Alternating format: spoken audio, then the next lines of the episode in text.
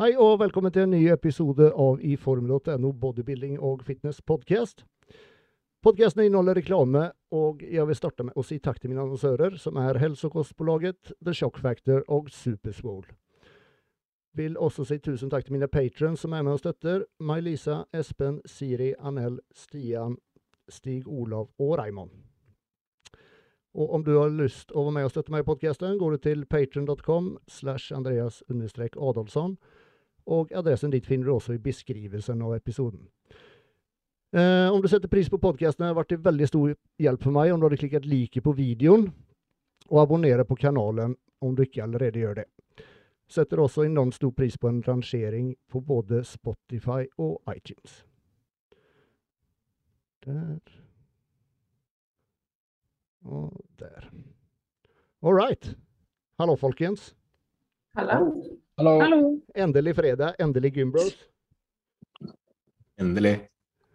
Jeg, vet du har gleda deg, Flisa. Ja, jeg Eh. gjør det. Jeg syns det nesten er litt for sjeldent med annenhver uke. Ja, det er kanskje. Men så kommer jeg sikkert til å angre hvis jeg hadde tatt hver uke, så det er sikkert greit å ha det sånn. Ja, jeg tror det. Uh, som alle ser, så har vi en uh, gjest i dag.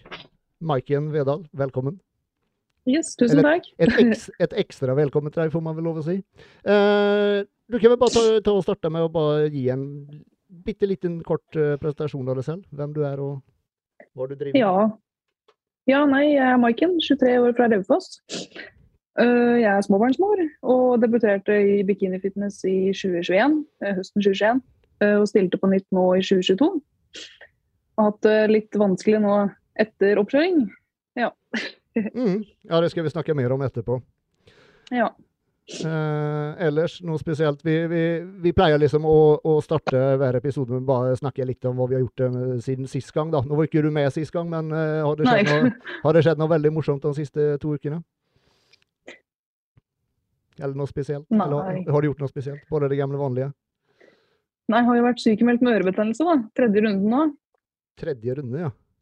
Ja, Do, dobbeltsidig eller bare én? Eller bare og bare? Bare én nå. Ja, det holder, det. det har gått litt sånn Først var det høyre øre, så var det venstre, og nå er det høyre igjen. Uff. Ja. ja, det er ikke noe gøy. Jeg var sånn eh, når jeg var liten, når jeg var barn, så var jeg sånn ørebarn, ja. kaller man det i Sverige i hvert fall. Jeg vet ikke om det er det samme i Norge. Jeg hadde bestandig ørebetennelse, så jeg var nære å, få, å få operert inn sånn rør som Ja. skal, som skal motvirke dette på en eller annen måte. Men så når, jeg tenker på, Ja, tilbake, jo når jeg tenker tilbake på barndommen, så, så føler jeg at jeg hadde ørebetennelse hele tida. Det liksom, det er omtrent det. jeg- Nei da, så ille er det ikke, men det, noen ganger så føler jeg det er det eneste jeg husker. Det er jævlig vondt i hvert fall. Ja, det er jævlig.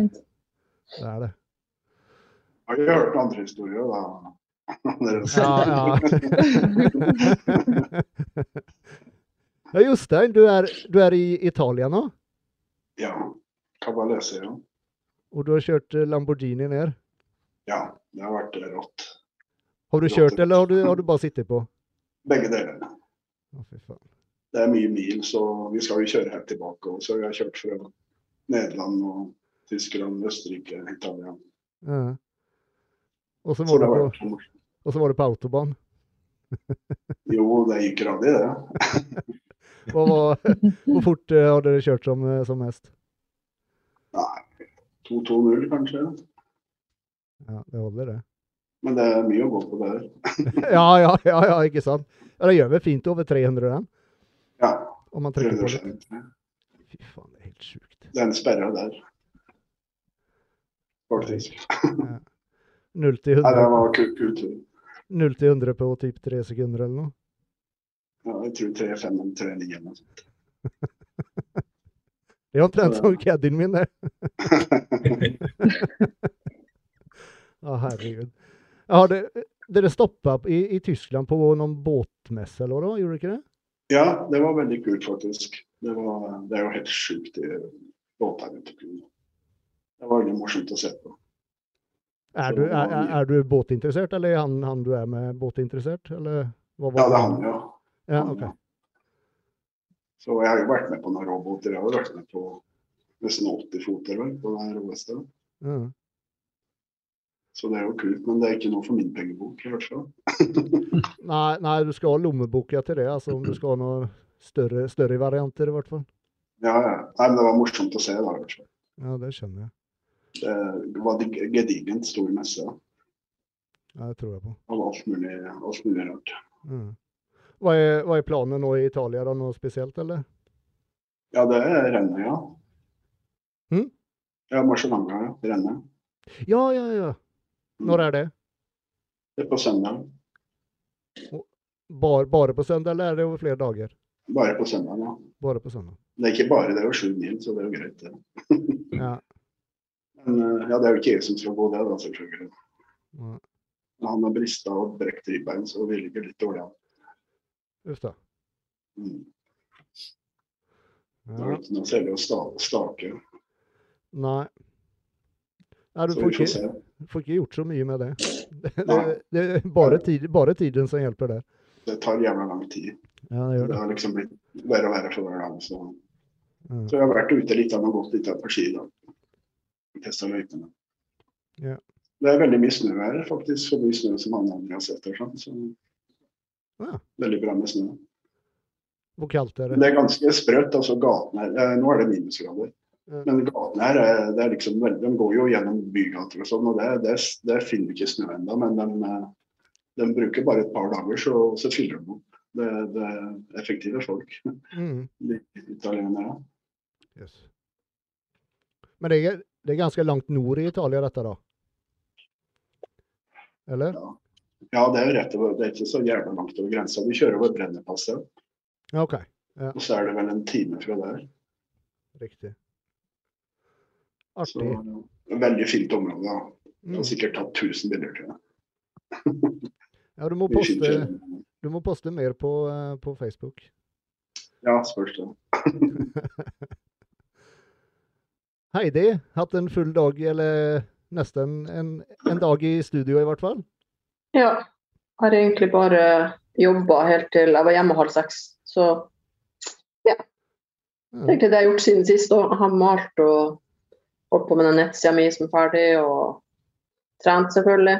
Men eh, ja, egentlig ikke, ikke gjort noe spennende. Bare det jeg må. Ja. Ja. Jeg tenkte på det i stad, eh, nå snart når du blir eh, For når, jeg har jo for så vidt ikke peiling på kunst, da, men når jeg ser det du maler, det er så jævla stilig. Det er liksom Tusen takk. Tusen Det er eh, Ja, men det er, bare, det er pent å se på. Jeg sier liksom ikke at det forestiller noe som helst, om jeg skal være helt ærlig, men, Mm. men det er det er bare sånn behagelig å se på. Det er, det er pent å se på. Jeg skulle gjerne hatt det i stuen min, liksom. Ja. Så jeg, Det er det som er målet, da. ja, ja, ikke sant?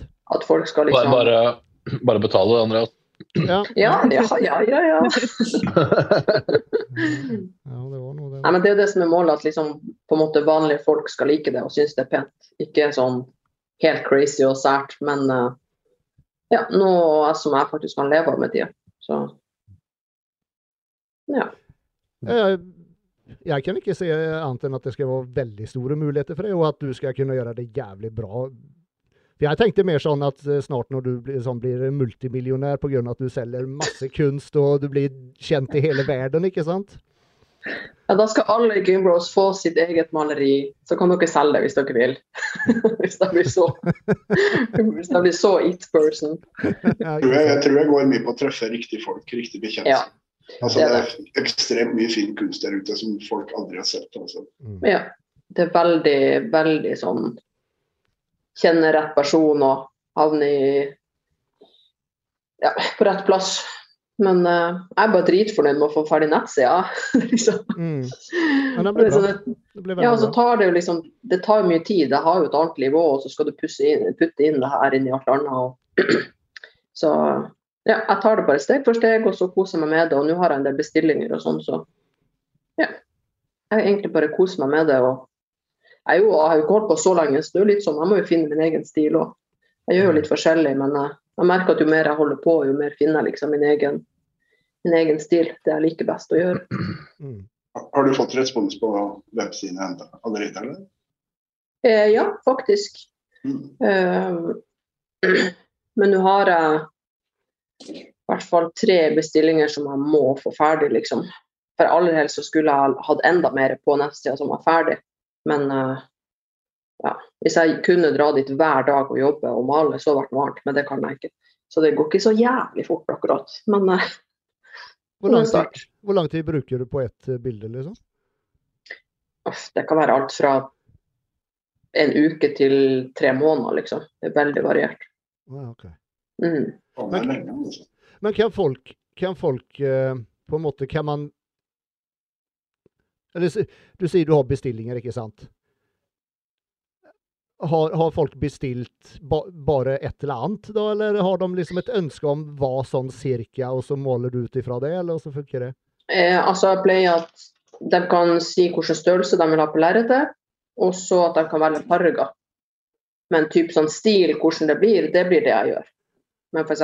hvis du vil ha blått og svart og gull, så kan jeg lage noe i, i de fargene. Ok. Så man vet ikke sånn helt hva man får, men jeg pleier å sende litt bilder underveis til dem som bestiller noe. Mm. Så det er ikke helt sånn får de se det, og så bare!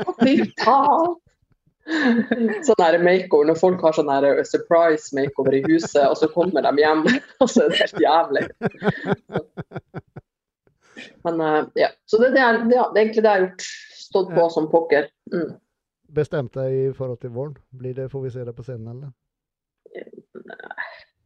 Jeg kommer ikke til å bestemme meg uansett før rett før. Sånn den siste dagen man må melde seg på. Da, Men, da men om vi sier sånn her, da. Trener du og, og på en måte har kosthold sånn i forhold som Eller som at om du skulle konkurrert? Ja, det har jeg. Ja. Jeg er på, jeg går, jeg er på diett. Det kan du si. Jeg er på diett og vet akkurat hvor mange kilo jeg må rekke på så og så mange uker og sånn. Men eh, jeg har ikke bestemt meg. Det har jeg ikke. Fordi jeg føler jeg må se når jeg er enda mer deffa. Så må jeg liksom se og føle sjøl at Ja. jeg er. Mm. Men som jeg har sagt før, det er ikke, noe, det er ikke vanskelig eller det er ikke et offer for meg å for eksempel gå to måneder på diett. Så det er ikke noe sånn Det Nei. går bra, liksom. Ja, jeg skjønner akkurat hva du mener. Mm. Roger, bitch. Ja.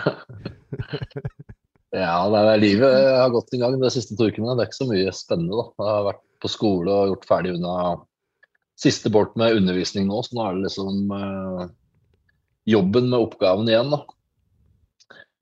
Så det er eh, et, et fjell som skal bestiges, men eh, det er jo bare å gå det steg for steg, så kommer man i mål der også. Ellers er det jobb, eh, trening, rehab på brystet som går sakte, men sikkert fremover. Og så er jo atletene som skal stille, er jo noen uker nærmere konkurranse, så det blir jo spennende. Nå skal vi jo inn til Harald som møter Heidi i morgen og få litt poseringstrening der. Så Ja, kult. Er det mange, det, det, mange, mange du følger opp nå, eller? eh, åtte, men det er ikke 100% sikkert at alle fullfører. Da. Det er litt sånn avhengig av form, så vi, vi gir gass og ser. Og så hvis det ikke vi kommer dit vi ønsker, så bremser vi, og så går vi for høsten istedenfor. Nybegynner Så, eller eh, gamle veteraner? Begge, begge deler. Artig. Så jeg har både folk med erfaring og, og debutanter. Og så har jeg jo nå, har jeg jo en debutant som kommer inn eh, litt uvanlig for en debutant. Så det blir gøy. Mm. Hva er det for klasser? Bare bygging, eller eh, er noen bikini og sånt? Nei. eh, Classic bodybuilding, uh, women's physique, body fitness og bikini fitness. Ja, hun May-Lisa skal stille, ja. Mm. Stemmer det. Det skal bli veldig spennende å se. Det blir det absolutt. Det ser bra ut så langt i hvert fall. Så eh, det kommer jo bare å bli bedre Ja, det begynner å bli jeg gjør det, det begynner å bli smal i maska, så det skjer ting. Åssen er det? Er det noen vektbegrensning der på dem? Ja, det er det, va? I Nei. til Ja, det er ikke det? OK. Nei. Ikke noe økebegrensning i Vammes musikk, nei. Det er, ikke, det, er, det er vel kun eh, Eller er det vektbegrensning i noen dameklasser, Heidi? Er det, bygge, er det noen vektklasser i bygging? Nei. Jeg vet ikke hvorfor bygging er jo bare i MPC, Ja. så jeg vet ikke hvordan det er da. Ja, nei, jeg tenkte sånn, sånn, eh, sånn i gamle dager så var det jo classic bodybuilding for damer, eller gamle dager og gamle dager Mm. for ti år siden og sånn. Så har det jo skjedd noen forandringer i forhold til uh, classic eh, bodybuilding da, og classic games for den saks skyld, så er det jo blitt nye eh, regler i forhold til poseringstruse. At den skal være lik som i classic prinsipp. Det er vel litt sånn delte Ja. meninger rundt omkring rundt det der. Så jeg vet ikke om Heidi veit hvorfor det har blitt forandra. Nei, egentlig så tror jeg ikke noen av oss helt vet. Vi vet bare at det skjer litt forandringer nå, og de skal gå over ting nå på EM. Um, Mm. Jeg mistenker også at det blir forandringer i, i de vektkravene og høyde eh, høydekravene og alt det der også. Så Mm. vi vet egentlig ikke. Og jeg sier det bare rett ut, altså Faen, altså. Ja. Faen, skal de ikke få vise liksom øvre del av låret, liksom, og ikke. Altså Nei, det er ikke rumpa. Ja, det er ikke alt man må være enig i. Det, sånn er det bare. Nei. Men uh, vi får nå se. Vi vet mer etter EM, i hvert fall. fordi da er det flere ting som skal opp på denne kongressen og sånn. Så egentlig er jeg akkurat like stort sånn spørsmålstegn som dere akkurat nå. Mm. Mm. Jeg syns det er litt synd, for det blir jo Da blir det jo liksom Det blir jo egentlig tre classic musikk-klasser. da, altså Ja. Forskjellen er bare at i classic fysikk må du ha vakuum og en classic fysikk-pose i tillegg. liksom, Det er jo eneste forskjellen. mm. Ja, det er det flere har sagt. at ja, hva, hva blir forskjellen da, liksom? Mm. Er det ikke Mm. Men uh, Da, Ja. da, da kunne man nesten gjort som i bygging, da, at man har classic fysikk. I stedet for at det går på høyder, så går det heller på vektbegrensninger. Det er liksom mm, Ja, ja. Men- Nei, det er, eh, Vi får nå se hva det som kommer ut av det. Jeg syns det er litt synd, men eh, jeg vet ikke om de prøver å skille de minste klassene i større grad fra, fra bygginga. Ja, Og så vet jeg jo at på hvert sånn eh, EM og VM så har de guttene kommet med mindre og mindre truser. Altså det er sånn Mm. Guttene står med altfor små truser. Så jeg vet ikke om det har noe med saken å gjøre, at de er liksom lei av at på de store stevnene så står nesten guttene i string der. De er så jævlig små. Men det gjør de jo i Fysikk også. Der står de jo også med feil shorts. Mm. Jeg husker ett år, da ble alle sendt, eh, sendt av scenen på mm. om det var, var det overall eller noe sånt. Da måtte jo de bare springe bak og låne seg truser i helvetes fart fordi de hadde for små truser. Ja, og det er jo det jeg tenker vi kunne vært, også, Det er jo enkel måte å stoppe den trenden på. Det er bare at de som kommer med feil eh, poseringstruser, de får ikke stille ferdig. Og så har Ja. man løst det problemet, da. Men Mm. ja. Men det, kan, ikke være et, et forsøk på en måte, eller en, en sånn liten overgang til å på en måte fase ut classic bodybuilding helt? Ja, jeg tror det. Ja, det, var, det, det var min opprinnelige tanke. Og så har jeg snakka med noen som sier liksom det samme som jeg alltid har tenkt, at IFBB handler veldig mye om penger. Og hvis de skal fjerne klasser, da, altså hvis du ser på Mm, ja. internasjonale stevner, E- EM og VM og sånn, så er classic, nei, classic bodybuilding og games classic Det er mange deltakere, da. Det er stort. Ja, det er stort. Men det er ikke sikkert at de trenger å fjerne klassene, Roger. Det kan jo hende at de ønsker å fjerne grenen classic bodybuilding, men at i stedet så blir den hetende nå classic fysikk med da litt mer tilsvarende vektkrav og sånt der. Så han bare utvider antallet klasser i classic fysikk, da. Ja, altså du har flere, vekt, flere, flere vektklasser, Ja. tenker du på da? Det er det også, ja, eh, ja, det kan hende. Ja, Men da blir det sånn classic ikke. classic physique light, classic physique extra light. Ja. Ja, nei, jeg vet ikke. Men uh, jeg, skjønner, jeg skjønner fullt og helt at folk reagerer, og det må folk Mm. få lov til. fordi det Ja, jeg skjønner det. Vi hadde faktisk fått uh, to spørsmål akkurat om dette. Hva, folk men- Hva vi mente om det. jeg syns jeg synes også sånn at IFB internasjonalt, når de sender ut sånne regelendringer, så kunne de også sendt ut en eh, begrunnelse. da. Det hadde vært fint, Mm. tenker jeg. Mm, absolutt. Mm. Men vi leser i Heidi at dette blir gjeldende nå da fra Sandefjord Open. Ja. Ja. Så sikkert noen nå som er forbanna for de allerede har kjøpt truser. Mm. Ikke sant. Men jeg kan trøste dem med at den trusa deres er ikke så dyr som hvis det hadde vært noen endringer på en bikini. Det hadde, Nei, gud, det er jo mye dyrere. det hadde vært litt Ja. Men for noen, da. Når Men for noen, Ja. ja, for noen så kan det jo være litt i siste laget òg, da. For det, Ja, ja. Noen steder så det- syr, så blir det plutselig stor pågang. Da. Så er det er ikke sikkert alle rekker det heller. Så må de kanskje kjøpe en sånn standardisert ruse som ikke sitter noe bra. Og så, ja. er nå Ja. Ja, vi regner med det, er nå, det, er nå, det er nå du må begynne å si truser, Heidi. Ja. Ekstra inntekt.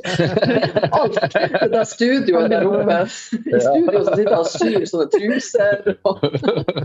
Kan begynne å male truser. Men er det noen flere forandringer enn just trusa i, i Classic bodybuilding? Eh, Det er jo også blitt at alle jentene har samme size på trusa bak, altså den skal dekke en tredjedel. For før har jo både Fitness og Women's Physique hatt at det skal dekke mer enn bikini og wellness. Så nå har alle jenteklassene samme mål bak, da. Men det er fortsatt ikke spesifisert hvilken tredjedel av rumpa som skal dekkes. Det står bare en tredjedel, men Ja. eh, det, det, det tror jeg sier seg sjøl, Flisa. ja, Nei, det gjør ikke det. Det gjør ikke det. Hvis du, Og da er det ser, forskjellig form på trusa. Ja, hvis du ser på veldig mange av bikiniene, så er det noen som har veldig den classic-formen. Kall det den som bodyfitnessen har, da, som dekker typ rettene.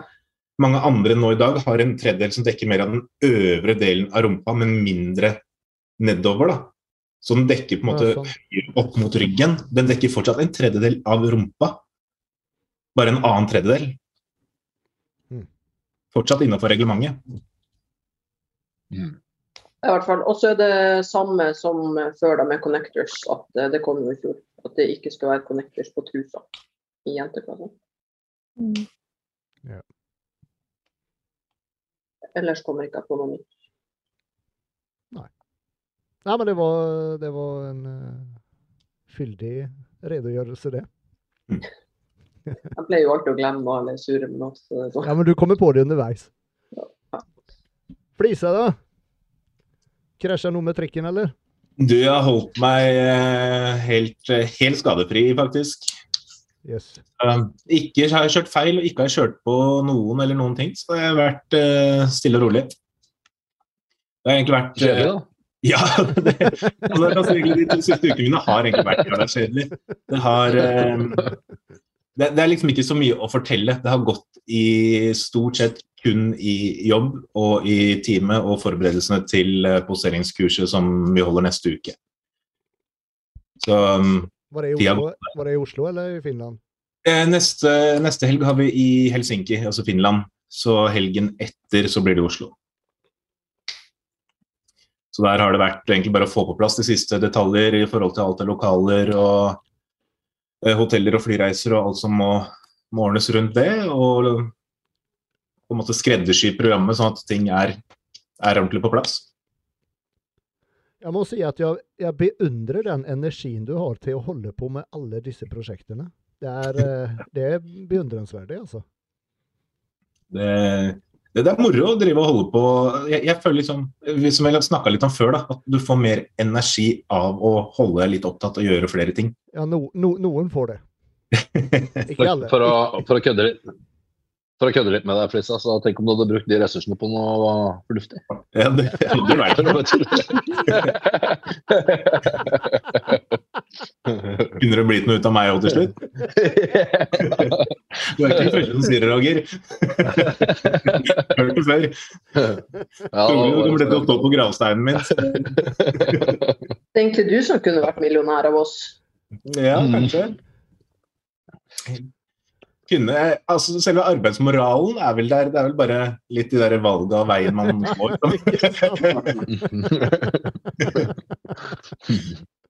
Jeg gjør mye dumt, men det dumme jeg gjør, gjør jeg jævla bra. Ja, ja det, det, der har vi alle vært, tror jeg. Nei, så ut, Utenom det så har jeg egentlig ikke vært så veldig mye. og altså, Tiden strekker kanskje ikke helt til heller til å, til å gjøre så veldig mye mer. Nei, det skjønner jeg veldig godt. Er det mange fra dere som stiller nå, eller? Du, vi er nede i syv stykker nå, bare. Ja. Så, som vi, vi snakka litt om det forrige gang, og vi starta vel med 16 som skulle stille i utgangspunktet, og så dukker jo ting opp underveis. Mm. Så, så nå har vi syv, og de syv er ganske sikkert at kommer til å stille. Eh, Formmessig og sånt ligger ting godt an, og litt sånn som Roger sa i stad, så er liksom noen dropper av på vekt, og noen dropper av pga. litt personlige årsaker. Mm. Og de har på en måte allerede hoppa av, så de som er igjen nå, er mest sannsynlig ganske eh, stabilt, og det skal komme noe veldig uventa for at de ikke skal stille nå. Mm. Så det blir vel trolig syv stykker eh, her i Norge, da. Mm. Gøy, gøy. Uh, hva skal jeg si om meg, da? Jeg trimmer som en gammel mann som har vondt overalt. Men eh, jeg får nå trent litt, i hvert fall. Eh, og jeg får eh, jobbet sånn tålig greit. Det var det jeg tenkte å høre. Mulig du har peiling på det, Jostein, eller noen av dere andre. For det jeg sliter med noe jævlig av at jeg har jo en del nerver i klem, ikke sant? Og har jo merket at det på sånn her, når han tar sånne styrketester da, på, på framfor alt grepsstyrke og eksempel flektere eller ekstensere hånda, ikke sant? Så er jeg mye svakere i den sida da, jeg har nerver i klem. Og nå i det siste har jeg også merket på, på treninga at jeg får jeg får ikke samme pumpen i den sida. Det gjelder da lats, eh, bryst, skuldre Egentlig alt på hele høyresida får jeg faen ikke Jeg får litt pump, men ikke sånn i nærheten av det samme på, eh, som på venstresida. Men vil det, vil det si Og jeg merker også grepsstyrke, f.eks. om jeg står og holder to manualer, da, litt tyngre manualer, så kjenner jeg at jeg er mye, mye mye svakere i, i høyrehånden. Mm. Men vil det si at at det kommer til å atrofiere der uansett hva jeg gjør? Eh, sånn enkelt forklart altså så kan vi tenke på nervene, altså nervene som en, en vannslange. Ja. Og, og hvis du begynner å brekke på den vannslangen, så kommer det mindre vann ned. Mm. Så når du tar i noe, så vil det bli mindre forbindelse mellom nerver og muskulatur. Sånn at du klarer ikke å bruke optimalt av muskulaturen av det du klarer på andre sida. Eh, og det gjør at du får jo på en del mindre effekt av muskulaturen, Mm. hvis det var å forstå det. Ja, ja, ja. Og det vil du merke bedre dess tyngre vekter du, tyngre vekter du bruker, for at det vil også bli mer press på nervene. Nervene blir enda mer klem. Har du prøvd å teipe opp, eller? Skulderbladet? ja eh, han eh, kiropraktoren gjorde det. Men jeg merker egentlig ingen som helst forskjell. Nei. Jeg gikk, jeg gikk med det i en ti dager eller noe sånt. Mm. Men Sånn teiper liksom mindre- sånn at det blir nærmere, kommer nærmere ryggraden, så at det blir mindre belastning på muskulaturen. eh, Jeg vet ikke hva han gjorde. Han, Mindre, han, Ja, så, Roger. Nei, jeg skulle si mindre signaler og gir vel også da mindre grad av muskelaktivering. Mm. Jeg merker ikke noe på styrken, mer enn just grepsstyrken. merker jeg, Det merker jeg forskjell. Men, men sånn eh, presseøvelser, eh, sånne ting, så merker jeg ingenting. Eller nedtrekk, roing, sånne ting, så merker jeg ingenting, even om jeg kjører unilateralt. Men, eh, men just da at jeg kjenner at jeg får Jeg får pump, men jeg får, jeg får liksom ikke den gode pumpen som jeg får på andre sida, på en måte. Det sånn Du har, føler- du har betennelse baki der nå, eller? Eh, nei, eller Sånn halvveis, tenker jeg. Jeg går jo på betennelsesdempende, så Mm. Har du prøvd å få tøyd den hjelp av det? jeg tøyer masse. Jeg tøyer masse. Jeg blir jeg har faen meg blitt bevegelig, skal jeg si det. Blir bedre av å tøye, eller blir vi irritert? Altså, Eh, no, noen ting kan jeg ikke tøye. Jeg kan eksempel ikke eh, For jeg er jo veldig, vel- eh, Eller jeg hadde i hvert fall veldig dårlig bevegelighet sånn i brystryggen, sånn sideveis. Eh, Mm. Og sånn, du vet, når du ligger på sida, og så skal du liksom Du ligger en vei med beina, og så skal du liksom vri overkroppen andre veien. ja. Det blir jeg, eller det blir jeg fortsatt veldig irritert om jeg trigger den for mye, da. Mm.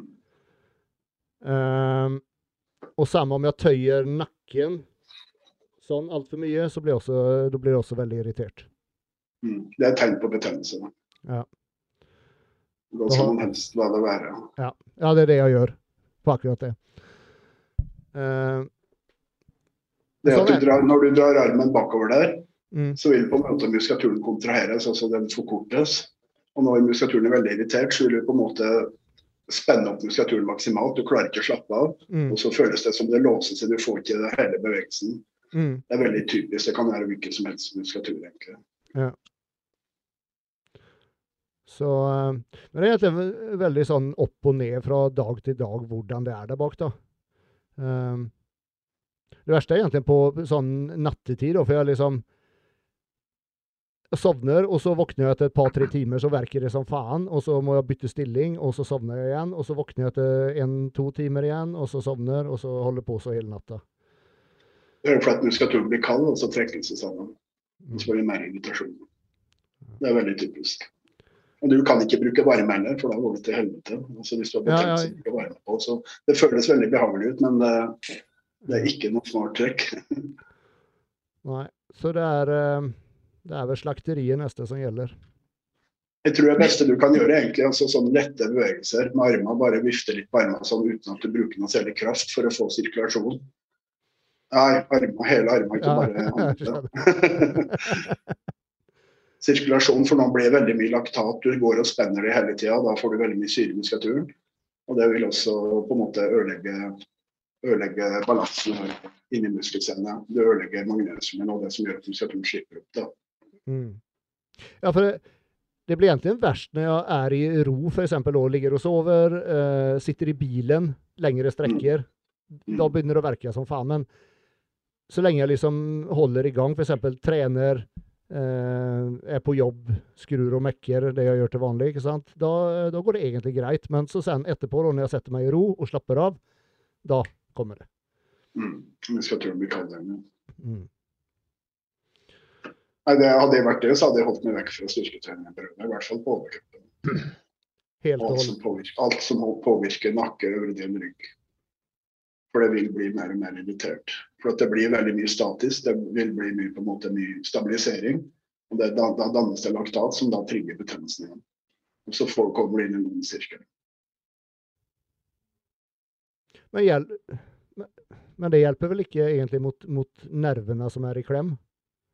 Klem Ja, i Problemet, problem, problemet er jo på en måte at dess mer du belaster muskulaturen, dess mer betent kan den bli, og dess mer hevelse blir det, og dess mer trykk på muskulaturen. Og så skaper det mer smerte som gjør at du går og spenner deg mer, for at det er vondt. Så det beste har nok vært rolig aktivitet, der du får sirkulasjon som ikke irriterer betennelsen. Hmm. Nærmest litt sånn mobilitetsbevegelser uten at du holder har det tøyende på en måte, men bare rolige bevegelser. Forlenging, forkorting, forlenging, forkorting av muskulatur. En lang bevegelse uten, uten å særlig bruk av styrke. Over fem-ti minutter i slengen. Ja, jeg har jo fått et sånt, eh, sånt kjempemorsomt eh, treningsopplegg av uh, kiropraktoren. Jeg kjører jo det, da, men i, i tillegg da, til vanlige styrketreningen, ikke sant? Eh, Mm. og han, Det han, spørs hvor mye det hjelper, da. Men hvis du stadig vekk fucker opp igjen. Nei.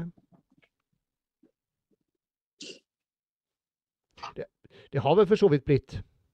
Nå har jeg for så vidt gått ned en god del kilo i vekt, og det, det merker jeg har hjulpet. For nå har jeg liksom mindre trykk sånn generelt i muskulaturen, da.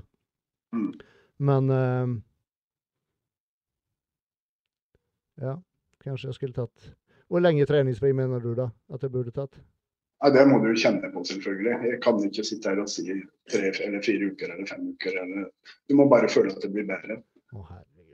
Jeg hørte jeg gjorde det vondt for deg å vurdere, Andreas.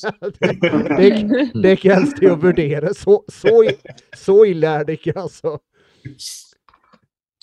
Ja, man kan jo ikke sitte og, og ha noen formening om hvor lang tid det her skal Nei, nei, nei. Jeg vet ikke hva du gjør og ikke gjør, og hvordan kroppen din responderer på ting. Og, Om vi ser på min skadehistorikk, så kan du tenke deg selv hva jeg gjør. ja, ikke sant?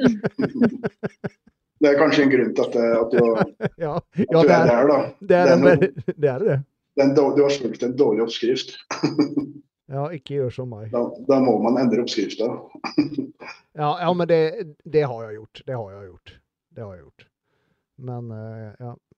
Ik- Ikke tilstrekkelig. Nei, nei, kanskje ikke. Eller i hvert fall ikke akkurat nå denne perioden. Ja, nei, nå, nå kjenner jeg å bli deprimert. Nå må vi prate om noe annet. Vi tar, eh, vi tar en kjapp reklame.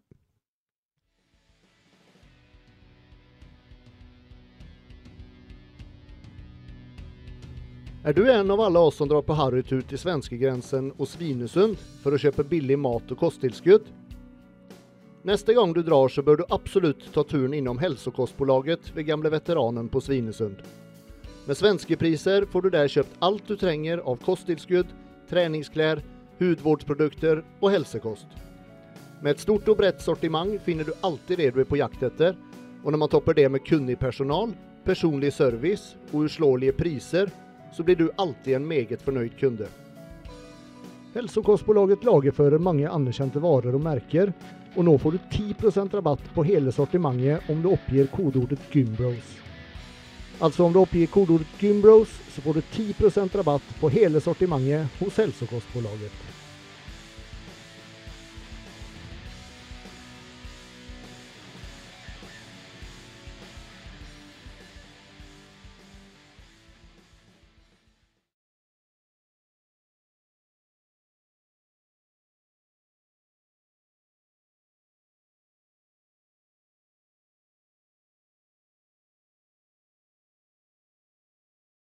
Da gjorde vi sånne rolige øvelser. Er Ikke harde tøyer, men bare rolige aktiviteter. Uh, ja. Nei, jeg skal, jeg skal ta og Jeg skal ta en prat med kiropraktoren min, ja. Hvis ikke han får det til, så blir vi møtes en dag. Får vi se om vi får til noe. ja. Vi må, jeg tror jeg må ta en tur til deg, Jostein. Eh, I hvert fall. Eh, jeg hadde jo med Jeg hadde med Malena Lida forrige helg og eh, snakket litt om utfordringer etter eh, konkurransesesong. Og fikk masse tilbakemeldinger i forhold til det. Og folk ville gjerne at, at vi skulle snakke om det her i Gymbros. Uh, det er jo noen Noen får jo hva skal jeg si, store utfordringer etter endt prep. Uh, ikke alle, men, uh, men, men, men alle kan vel si generelt at det er, det er en tøff periode. Vi har alle vært der. Uh, vi vet åssen det er. Uh, men det er jo mange, mange Veldig mange får, får et sjokk, egentlig. Man tenker man er ferdig å konkurrere og allting, og nå skal det bli deilig å begynne å spise igjen, men så blir det ikke så fantastisk som man egentlig hadde kanskje sett for seg. da. Uh, Det er sånn prosentvis mest damer jenter som sliter med det. det er jo, jeg vet det er gutter mannfolk også, men eh, generelt så er det vel kanskje ja, eller Jeg husker når Jeg tror jeg ikke det er mer da at hva skal man, damer kanskje prater litt mer om det enn Ja, menn. nettopp, nettopp. Det var det jeg skulle til å si. Uh, jeg og Jon, uh, når vi starta podkasten for ja, typ mange år siden, så hadde vi med hun Therese Fostervold, som er jo ekspert på emnet. Og, hun sa at det er det er 50-50. Det er bare at, akkurat som Maiken sier, eh, jenter er mer åpne, mer, mye mer åpne om det. Eh, Tror du det rammer like hardt også? Sånn, si liksom den der overspisingsperioden spesielt, da, for det blir jo den som på en måte blir relevant der. Eh, for oss gutta, når vi på en måte begynner å overspise, så vi ser jo fort bedre ut, vi ser jo større ut med litt mer vekt. Så jeg tror det skal en del mer til da, for at vi skal begynne å kjenne på det i forhold til hva jentene gjør. Så kan det vel være at vi, når vi går opp i vekt og du får det trykket, at vi føler oss bra, mens kanskje jentene føler seg mer at det ser ikke bra ut. Jeg vet ikke. Nei, jeg ble bare vannet og jævlig. jeg. Jeg så ikke ut. Jeg følte meg som en snømann, liksom. Jeg, jeg tror nok at selve problemet er kanskje ganske likestilt mellom kvinner og menn, men jeg tror påkjenninga blir annerledes. Jeg tror ikke menn jo, men like fort, i hvert fall, av det. Ja, ja, nei Det er godt mulig. Vi har en litt høyere terskel. Liksom, det er typisk når vi går opp liksom, 10 kilo, så begynner vi å på en måte føle oss bedre. Liksom, og nå begynner det å bli stor og sånne ting. Og sterk. Og sterk. Ja. Mens for en jente så vil jo de 10 kiloene på en måte, de vil jo være lettere. Nå må vi passe på at vi ikke blir misforstått, der, sånn at det høres ut som vi mannfolk tar mer enn damene. For det, det gjør vi jo Nei. ikke. Nei, jeg, men jeg, jag skulle kanskje heller ville si at, eh, att manfolk kan ju på lik linje med, med, med vad ska jag säga, jenter ha, vad ska jag säga, ja, være deprimert da. Japp. Så, eh, så, sånn bokstavelig talt. Men at vi er liksom ikke Det skal mer til for en mann å innrømme at han ikke har det noe bra innvendig, enn hva det skal for en jente å innrømme det. Tror jeg. Det skal det ingen tvil. Absolutt. Det er sikkert hvordan, hva du tenker på. da. For meg, Det eneste som betydde noe for meg, var hvordan jeg så ut på konkurransedagen. egentlig. Ja, men nå, nå var du, nå var du fra, fra en annen planet, Jostein, så det kan vi ikke sammenligne med. Men det har vært morsomt og så interessant å høre med Maiken, som du sa, Maiken, når du, når du følte at du begynte å se ut som en snømann. Hva, hva tenker du sjøl, liksom? Hva er det som Nei, skjer? så- i hodet ditt? du går jo litt sånn panikkmodus, da. Fordi du, jeg, altså for meg så var det det at eh, etter at jeg hadde hatt en sånn overspiseperiode, da, så var det som at jeg gikk og la meg. Og når jeg sto opp, jeg hadde så sykt mye vann i kroppen. Så jeg bare, alt bare krisemaksimerte, og jeg bare følte at herregud, hva er det jeg driver med, liksom.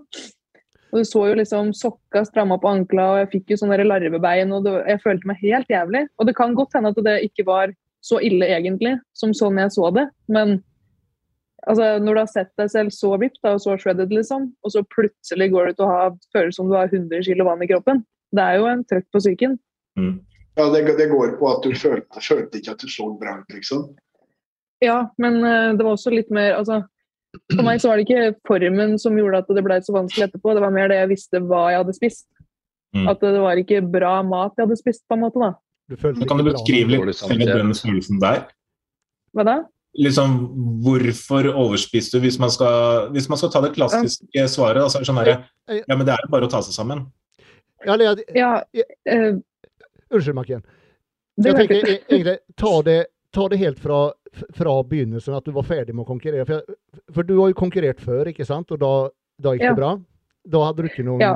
noen problem? Eller du Det var sikkert Nei, eller jeg hadde altså Første gangen jeg stilte, så hadde jeg jo litt sånn si, Jeg spist, overspiste jo litt og var litt sånn, mista litt kontrollen, men det gikk litt sånn greit. For jeg fikk jo, Det var vel en måned etter uh, konkurranse hvor jeg starta opp med Roger på reverse, tror jeg. Var det ikke det? Mm. Og da gikk det jo egentlig ganske greit. Da hadde jeg liksom ikke noe problem med å starte på planen igjen. og Det var liksom kun kos i hei, da. Mm. Men uh, da hadde jeg jo også vært i en helt annen form enn det jeg var i nå. Uh, jeg var jo ikke på langt nær like bra form den gangen som jeg var nå. mm. Så uh, ja. det, har my, det har mye Det kosta litt mer å komme ja, det kostet litt mer å komme til Ja. den gangen her enn det gjorde sist. da. Yes, det gjorde det. Og nå så tror jeg på en måte jeg gjorde et par ting gjennom preppen som jeg kanskje kunne unngått å gjort. Altså jeg hamstra inn så Å, fy fader. Jeg hadde en hel skuff med bare godis og ting som jeg hadde tenkt å spise når jeg var ferdig. ikke sant? For jeg gikk jo helt der rundt med de cravings av hva jeg hadde lyst på. Og så kompenserte jeg på en måte det med at jeg ikke spiste det. Det, det hjalp å kjøpe det inn, for da visste jeg at jeg hadde det der. på en måte. Um, Mm.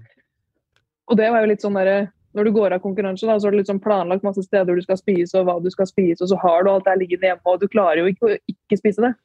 Så jeg spiste meg jo så forderva mett to dager i strekk.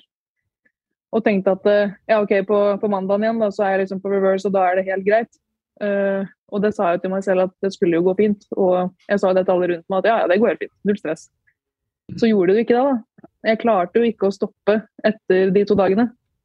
Det høres ut som på en måte mye av fokuset ditt på en måte også underveis i dietten var på en måte hva du skulle gjøre etterpå. Da, på en måte At du skulle spise Ja, sånn og sånn. Veldig. Ja. Det er bare interessant var å høre når man ikke vet hva det går i, på en måte. Så er det Ja, ja, så klart. Men det er jo veldig nytt for meg, holdt jeg på å si, for det er jo første gangen jeg har opplevd det her. Så det er litt sånn, ja. Mm. Hvordan følte du det da i forhold til første konkurransen, så var det ikke noe problem. Du gikk ganske lett tilbake, mens nå andre gang så var det helt annen følelse. Altså, jeg gikk jo inn med en innstilling at nei, nei, det skulle klare det, det skulle gå fint. Så jeg tenkte jo Jeg er veldig flink til å overbevise meg selv, og jeg er veldig sånn Hva skal jeg si for noe? Når jeg først har bestemt meg for noe, så klarer jeg det. Så det var et veldig nederlag for meg da på en måte ikke klare det her, liksom. Fordi jeg hadde greid meg så fint gjennom dietten, og jeg tror Jeg var røyk vel på én smell i dietten eller noe, hvor jeg spiste en brødskive før trening, liksom. Og det var det. Så jeg hadde jo vært så flink og dedikert hele tida, og så plutselig bare røyk alt av rammer og rutiner og alt, da. Så jeg liksom Jeg følte jeg mista meg sjøl litt, egentlig. Mm. Jeg tror det er også det mye Det som påvirker og- at, eh, at man har så ekstremt mange rammer, på en måte.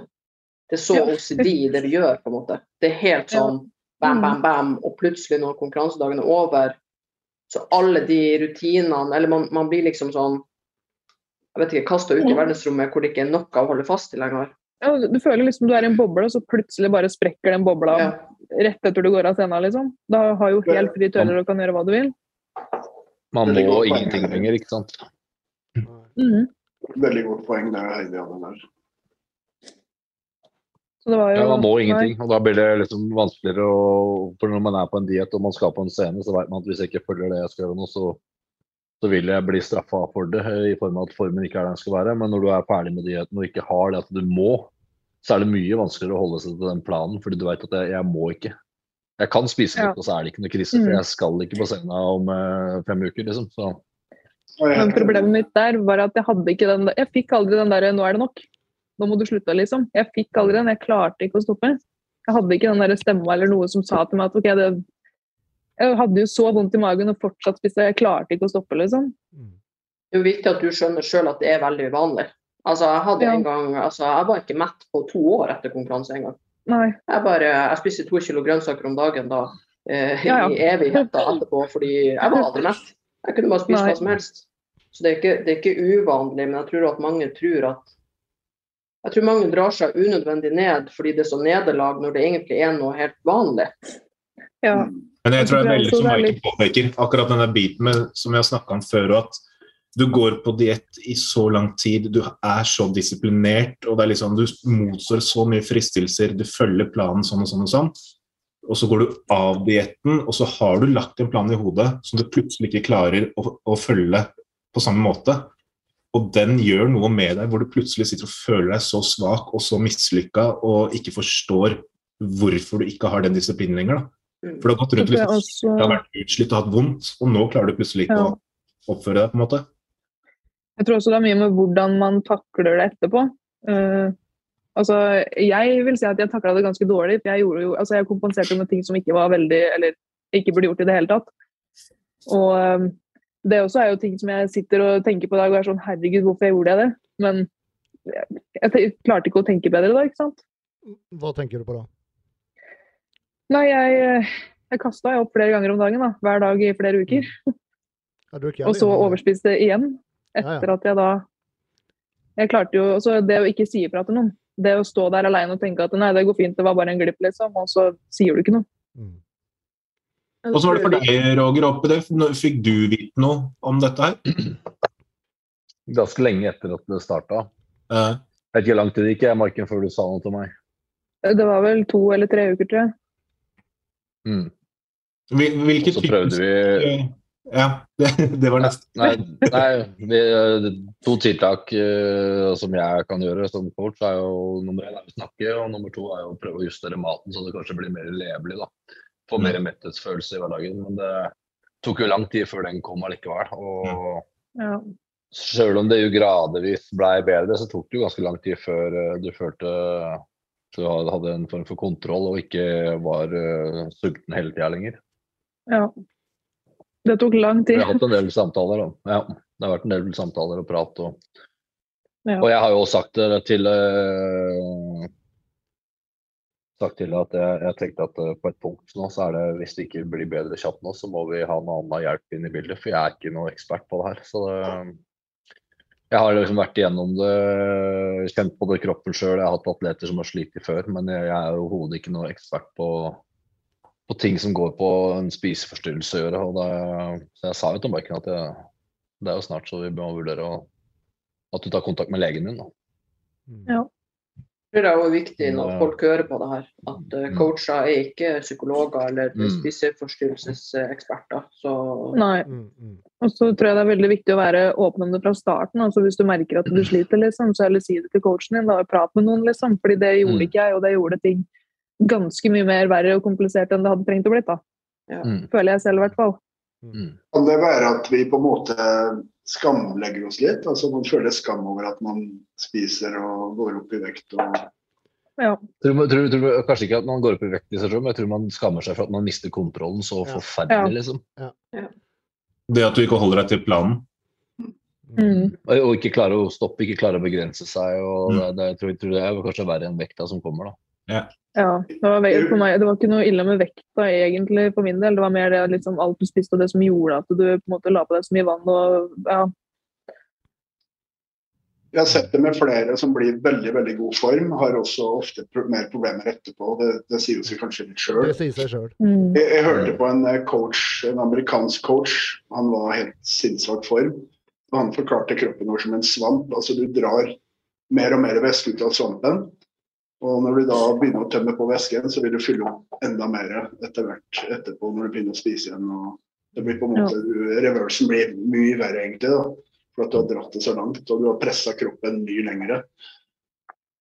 Men det er også, jeg synes det er så vanskelig å på en måte finne en uh, balanse etterpå. Da, fordi det er sånn, Skal du være for streng? Skal du på en måte gi litt lov til andre matvarer? Liksom, eller hva skal du gjøre? liksom, For at det blir Det er det som er Ja. Hva er det som er riktig og galt, liksom? Hva er det som funker? Det er den som kanskje er litt viktig òg, at det ikke er, det er ikke én fasit. Det er litt å finne den komfortsonen hvor du føler deg komfortabel, og hvor du har den kontrollen. Mm. For det, sånn som for Roger sin del, som, som din coach, da, hvis han hadde begynt å si til deg liksom at ok, men nå må vi få kontroll på dette, altså nå skal du kun spise så og så mye, og du skal spise dette. Hvis du da ikke klarer å følge det, Ja. så er du prøvde jo tilbake. Masse forskjellig. Jeg har prøvd, å- jeg har prøvd både å øke kalori, prøvd å gå av plan, prøvd å ikke telle, prøvd å bare spise meg mett på samme mat. Altså, jeg har prøvd så mye forskjellig før det liksom roa seg. da. Så sitter det i hodet, sikkert. Ja, det var det. Først så var det jo den der ekstreme sultfølelsen, og så når på en måte den gikk over, da, så skjønte jeg jo sjøl også at det, det, alt er jo i huet.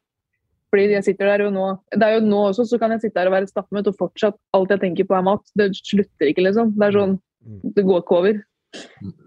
Jeg Jeg tror, folk er, jeg tror folk er veldig forskjellige der også. Det, og så merker jeg jo etterpå også dess mer drittmat man spiser, dess mer sulten blir man. For du, du føker jo med insulin i kroppen. Og, Ja. Eh, jeg har prøvd, prøvd på en måte å ikke sette for mye eh, mål for meg sjøl etterpå, egentlig. Så, men jeg har prøvd å spise mer av den sunne maten, da, sånn at jeg, at jeg får i meg nok Mm. mat. Så, og man må jo opp igjen på normalvekt fram til man er der. Jeg har prøvd å holde meg sånn tre-fire uker. Altså Jeg blir ikke menneske, altså jeg blir så irritabel og dårlig menneske, rett og slett. Så jeg tenkte, det, det, er, og jeg fikk jo mer beskjed av folk at det, det, nå kan vi ikke fortsette altså, med den, eh, å holde på den forma der, for du, du blir verre og verre, liksom. Så jeg det prøvde heller å spise, spise mye av den sunne maten, og da ble jeg følte det ble lettere å holde seg unna. Jeg spiste jo litt sjokolade, men det var lettere å, å ikke spise for mye av det. Hvis man begynner liksom, på sånn skikkelig usunn mat, så, så føler jeg at det blir enda verre, på en måte. Men det er litt det som er litt forskjellen der, tror jeg, Jostein. fordi at Maiken satt nok med akkurat de samme tankene som det du sitter og beskriver nå. Problemet er bare at det går ikke. Det er liksom, du har plan om at ok, jeg skal spise sunt, kanskje jeg skal spise så og så mye kalorier først, og så kan jeg få lov å spise det jeg vil etterpå, eller hva som helst. da, Hvilken ordning man finner ut av Ja. å gjøre. Også... Problemet er at du dropper alt det du egentlig skal spise først. Du går bare rett på alt annet. Det du- Problemet mitt også var jo Jeg starta jo Jeg spiste jo kun reversen min fra Mandaland. Men det var på kvelden jeg klikka etter jeg hadde spist all den maten her og ikke hadde noe mer mat. liksom. Da klikka jeg og bare spiste hele kjøkkenet mitt. Det var jo helt krise. Og det er sånn, Jeg kunne også sitte og overspise altså Jeg kunne ha meal preppen min klar i kjøleskapet, og jeg spiste all meal preppen på ett måltid. For jeg hadde, altså, Det gikk ikke, liksom. Så det hadde liksom ikke noe så mye for meg å si hvilken mat eller hva jeg spiste. Fordi det, det var samme om det var pizza eller om det var kylling og ris, liksom. Mm, mm. Det er, jo det, altså det er viktig å forstå at det her er Hjernen vår fungerer sånn. Jeg har Mm. fortalt en historie før om venninna mi som er adoptert fra et fattig altså u-land. Og når hun var liten, så tok hun også all mat som var til overs, og grov det ned i hagen. Og det var en liten unge. For at hun skulle ha mat, selv om det var fullt av middag på bordet hver dag og alt. Så det er jo liksom Når man er vant til å leve med sult og lite mat og lav på kaloriene, så er det noe som skjer inni hjernen vår, og hormoner og alt som gjør at vi gjør akkurat sånne ting. Det er ikke fornuftig, det, fordi det er noe annet som styrer oss. Mm. Det er jo det, er jo også det biologiske i oss. Ikke sant? Så vi er lagd for å overleve. Mm. Og så presser man kroppen så hardt, så kroppen tror liksom at nå- er jeg i ferd med å, å sulte og, og dø. Og så kommer det endelig mat igjen. og så er det sånn at Da prøver liksom kroppen å rulle deg til at nå skal vi ut av faresonen. da. Og hvordan kommer vi dit? Jo, legge på oss fett så vi har ekstra å gå på. ikke sant? Mm. Spis og pokker når det er mat der. Det er jo det de Ja. tenker. Mm. Men Marken, du hadde ikke tid til, tid til å grave det ned, du ville ha det med en gang. Det var jeg. Jeg sona ut jeg, flere ganger hvor jeg spiste, så jeg ensa ikke hva jeg spiste engang. Jeg- Det var nesten som at du våknet etterpå og bare Å, herregud. Så Nei. Hadde null kontroll. Og jeg opplever det samme sjøl. At for meg så går det to-tre måneder etter jeg har vært på diett, før jeg føler liksom at jeg har en ordentlig metthetsfølelse. da. Så, Ja. og, og jeg kan spise deg ganske tilfreds, men så går det 15-20 minutter, og så begynner jeg å tenke på at jeg, jeg har lyst på noe mer. Eh, Får du samme type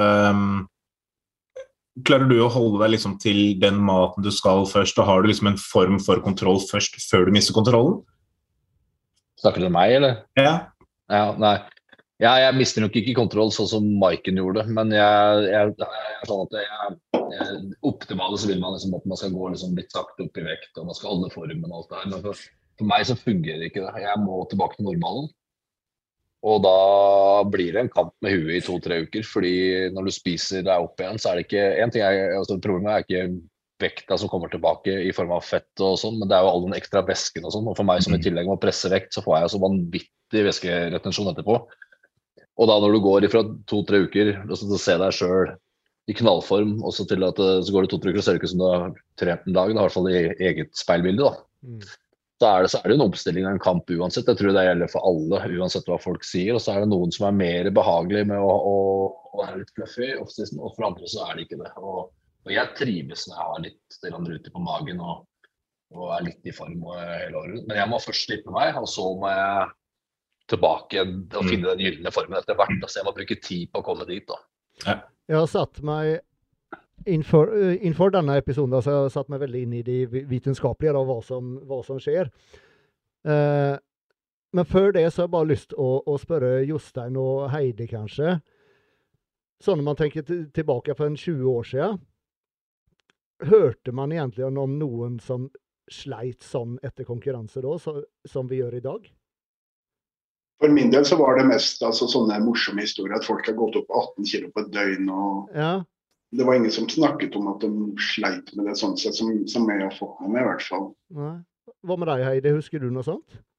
På min tid da var det veldig Det var lite snakk om det, men vi, vi som var venninner, vi visste jo kanskje om hverandre, liksom. Så vi hadde litt støtte i hverandre. Men Men var det så Ja. som i dag? For jeg føler det er mange som sliter i dag.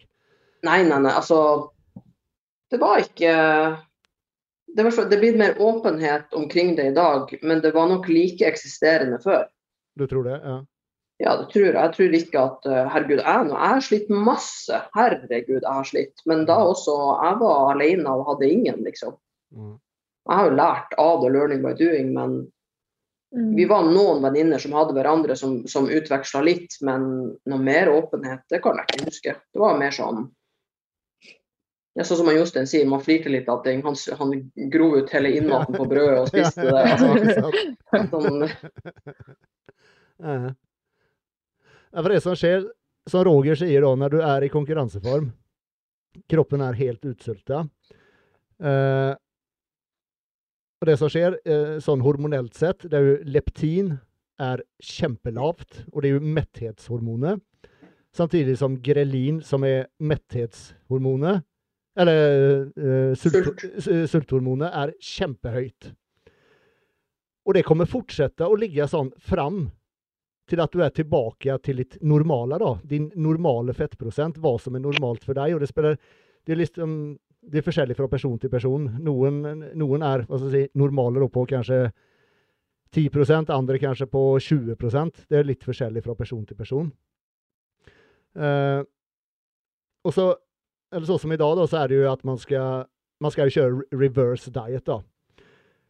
Ja, og, og det er det jeg har litt lyst til å snakke om, reverse diet. For reverse diet sånn Det er godt mulig at, at man eh, hva skal jeg si miss... eh, eller bruker feil term, da. For en reverse diet, det er at du Du har da kommet deg i form, ikke sant, og så er du på x antall kalorier. Og deretter da så skal du da kjøre reverse, og da øker du kanskje 100 til 200 per uke. Og, og tanken bak det er jo da at du skal legge eh, på deg minimalt med fett, og så i siste enden at du faktisk skal få Eller at forbrenninga parallelt går opp uten at du legger deg på, deg noe fett. Det er bare at det ser kjempeflott ut på papiret, men det funker ikke i praksis. Eh, som skjer om du bare øker, da, la oss si 200 kalorier etter én diett Du øker kaloriene på samme ante, 200 fra det du slutta dietten på. Du er fortsatt i underskudd. Og samme neste uke du øker 200 kalorier til, du er fortsatt i underskudd, mest sannsynlig. Mm. Og selvfølgelig så har du den, den gale sulten som du har. Kroppen, er jo, kroppen tror, den, eh, tror den sulter, kroppen tror den skal dø. Den vil ha mat. Og når du da ikke har det målet at du skal stå på scenen, du må ikke være i form, da sprekker du. Så det er jo sånn reverse diet er. For reverse diet ble jo, ble jo på en måte Det var han Lay Norton som gjorde den eh, popularisert, da. Eh, og den er jo egentlig tenkt da for folk som har gått ned eh, Eller veldig overvektige folk da, som har gått ned masse i vekt. ikke sant? At de skal da kunne For å holde seg der de, dit de har kommet, og la oss si de har gått ned 50 kilo, så istedenfor å gå opp 50 kilo igjen, eller kanskje 60, så skal de da kunne øke kaloriene gradvis. Eh, for å da kunne holde den vekta de har nådd. Men, men det funker liksom ikke helt sånn. Eh, og i hvert fall ikke for hva skal jeg si, oss atleter. Da. Det er gjort en del forskning på det. Eh, Jeg tenker jo at for konkurranseutøvere, altså, eller i hvert fall jeg, jeg vil jo først ha hoppa opp til det jeg på en måte starta dietten på. F.eks. hvis jeg gikk av diett i dag, så hadde jeg hoppa rett opp til 2007. mm. Og så hadde jeg heller prøvd å bygge meg opp derfra med kanskje 200 kalorier av gangen. For jeg vet som... jo at skulle jeg økt ja, økt så lite, så hadde jeg jo klikka. Ja, ja, ja, nettopp. Nå veit jeg liksom ikke hvordan Men det, det er reverse diet. Mens det som eh, folk som er mye smartere enn meg, eh, rekommenderer, da, er at man bruker noe som heter recovery diet. da. Og det er at man direkte legger seg på et overskudd som er på 500 til 1000 kalorier over det som er ma maintenance, da, som er liksom det du holder, vanligvis holder vekta på, slik at du rimelig raskt kommer tilbake til ditt normale. Ehm, og, og riktlinjene da er at du skal komme til, tilbake til din normale fettprosent, din no normale vekt, innen fire til åtte uker. Og at du skal gå opp 5-10% av konkurransevekta, da. Um, det kan også være mer enn 10% Ehm, Og det er ganske stor forskjell mot å kjøre det som egentlig er en reverse diet. da. For da, får, da havner du direkte i et overskudd. At du, du legger faktisk på deg fett hele tida. For det er fettet som styr just det leptiner, da, som er metthetsfølelsen. Og det styr også eh, greliner, da, som er eh, sulthormonet. Hørtes veldig fornuftig ut. Pluss da, plus da, ikke minst da, pluss eh, Da er da eh, testosteron, østrogen, de tinga der. Sen for eksempel en, en, en, en veldig, väldigt bra indikator på om du er tilbake til ditt normala, det er jo det matfokuset. For når du er i konkurrensform, det, det eneste du tenker på, det er mat. Du gleder deg til neste måltid. Varje måltid er en fest. Uansett om det er tørr kylling og ihjälkokt brokkoli. Det er ingenting som En torsk. ja, ja, ikke sant? Det er, ingenting, det er ingenting som smaker så jævla godt. Det er så godt. Jo, til og med vannet begynner å smake søtt til slutt. Ja, ja, ja. Alt er godt. Og liksom sånne her, sånne her eh, eh, kalorifrie diettsauser. Å, herregud, det er så jævla godt! Det er liksom, det er sjokolade. Ja, men spiser du det sånn off-season når du er liksom i ditt normale, så bare syns du det smaker helt for jævlig, eller, eller det smaker ingenting. Um, Jeg husker Marius Mæteren prata på der en gang på Haralds, og så satt han der og sa at han var, det var noe Slender-Steff eller et eller annet han hadde spist på diett. Og han bare fy faen, herregud, det er jo så, er jo så godt. Han skjønte ikke hvorfor de ikke solgte det i vanlig dagligvare og sånn. Og så gikk det noen uker etter diett, og så bare Nei. Da skjønte jeg hvorfor det ikke, ikke fattes på Rema 1000, liksom. Det er, en, det er en veldig god indikator, just den, eh, Ja. det matfokuset. Mm. Um, Men jeg tenker jo for dem som hører på at eh, hvis man aldri har gjort det før, eller er debutant, eller det er ekstremt stor forskjell på akkurat det der du snakker om nå, å komme seg rett i overskudd, eller å pushe seg enda i underskudd uke for Nettopp. uke, altfor lite, altså da blir du Mm. da blir jeg helt, da blir jeg spiseforstyrra. Da blir jeg ja, helt ja, ja. totalt Du klarer det ikke. Men vi, du klarer det ikke. Nei, men hvis jeg kommer meg opp til der jeg starta, som er et overskudd, og så gradvis øke litt derfra, for man vil jo helst sant, kanskje ha metabolismen litt, litt mer i rute igjen etter en konkurransediett. Ja, jeg prøvde det bare en gang som vi pratet om, og da, da gikk det gærent. Og så ellers har jeg bare begynt å spise ganske så mye mat. Mm. Og det er det som man jeg, jeg tror også folk som altså overvektige som vil ned i vekt, da, så har de, de har jo på en måte et mål om en livsendring. Eh, selvfølgelig er det veldig vanskelig for dem når man har gått ned kanskje 50 kg å holde seg der, men det er jo på en måte det som er målet deres å holde seg der. Mens vi er jo atleter. Vi har et mål om å stille på scenen. Når vi er ferdig med det, så har vi for så vidt et mål om å holde oss i grei form. Men du må ikke. Nei. Og det blir tøft. Man, eh, man, liksom, man er stolt av det man har gjort, og man skal nyte maten. Og jeg har jo kjent på det sjøl innimellom at vi prata litt om det før, Andreas, at jeg, jeg spiste sånn sinnssykt mye mat. Nytte det enormt. Og så blir du så sinnssykt irritert for at det ikke er plass i den magen lenger. Mm. Og satt og kjører bil og tramper med beina for å bruke opp litt kalorier, så du skal få inn neste måltid fortest mulig. for å nyte på nytt. Ja, ja. Er det helt sjukt. Men altså, jeg, jeg er absolutt ikke imot det du sier der, Andreas. Det gir veldig god mening. Um, men sånn for å kaste lys på problem nummer to, da, for dette her er Bare, mer på den Bare, eh, bare si en ting, Frisa. Det er ikke jeg som sier dette, utan det, det er folk som er langt mye smartere enn meg. Absolutt. Og, og jeg er ikke imot det. Altså, jeg, jeg er helt enig i tanken der. Uh, så nå spør jeg bare for å kaste lys over videre problematikk som kan oppstå. Da. Kom igjen. Og det er det psykiske aspektet rundt det. Mm. For én ting er at du tilfredsstiller kroppen på den biologiske settet med å liksom få i deg nok mat og alt mulig. Men for mange av oss som har drevet med fitness, så vet vi at det er jo det psykiske som oppstår. Sånn som Maiken nevnte, hun kastet opp etter å ha spist. I utgangspunktet har hun tydeligvis vært nærmere å gjøre det hun egentlig skal, ved at hun har spist mer og ligget i et kalorioverskudd. Men så kaster hun opp etterpå pga. dårlig samvittighet eller hva enn det er. for. Og Dette her er jo flere utøvere som har fortalt om hvor de kaster opp etterpå. Man får en depresjonsfase og sånn type ting. Mm. Så jeg støtter den forskninga på det, men jeg ser et annet problem som dukker opp, da, om du kan si det sånn. Sånn som For Maiken så var vel ikke problemet ditt altså at du følte at du så stor ut som at du aldri ble mett? At du alltid var sulten, på en måte? Sånn Ja, eh, altså Selv når jeg, var ferdig, eller ferdig med all spisinga, liksom, så hadde jeg jo fortsatt lyst på mer. Jeg klarte ikke å stoppe, og da ble det jo til at jeg spøy og spiste enda mer. Mm. Ja. Så det er ikke sånn psykisk Så- utseendemessig at man legger på seg litt og Det er mer at Nei, du altså I starten så var det ikke det, men uh, så det var jo hardt for hodet etterpå, holdt jeg på å si. Uh, etter at det hadde gått et par uker, da jeg så at oi, shit. Dette mageruten var borte. Ja, Og du nevnte jo det her bl.a. blant annet at du syntes det var litt flaut å gå på gym. eh, og Du Ja. tenkte at alle andre tenkte at du burde vært i bedre form enn du er. så var det jo litt eh, altså Jeg har jo fått et par sånne kommentarer på at oi, hva skjedde med deg? Eller oi, har du lagt på deg mye? Eller sånne ting, liksom. Og det går jo inn på psyken. Men det er sånn. Ja, ja, greit, jeg gir jo faen. Jeg vet jo at du skal opp i vekt, det går jo fint. Men det er bare alle rundt deg som ikke driver med sporten, da, som kommer med de kommentarene etterpå. Det er så unødvendig. Åh. Blir så Men jeg Det, tror det, det presset er mye verre i dag enn det var 40. altså Det er med presset med hvordan man skal se ut, og man legger ut bilder og alt det der. Ja.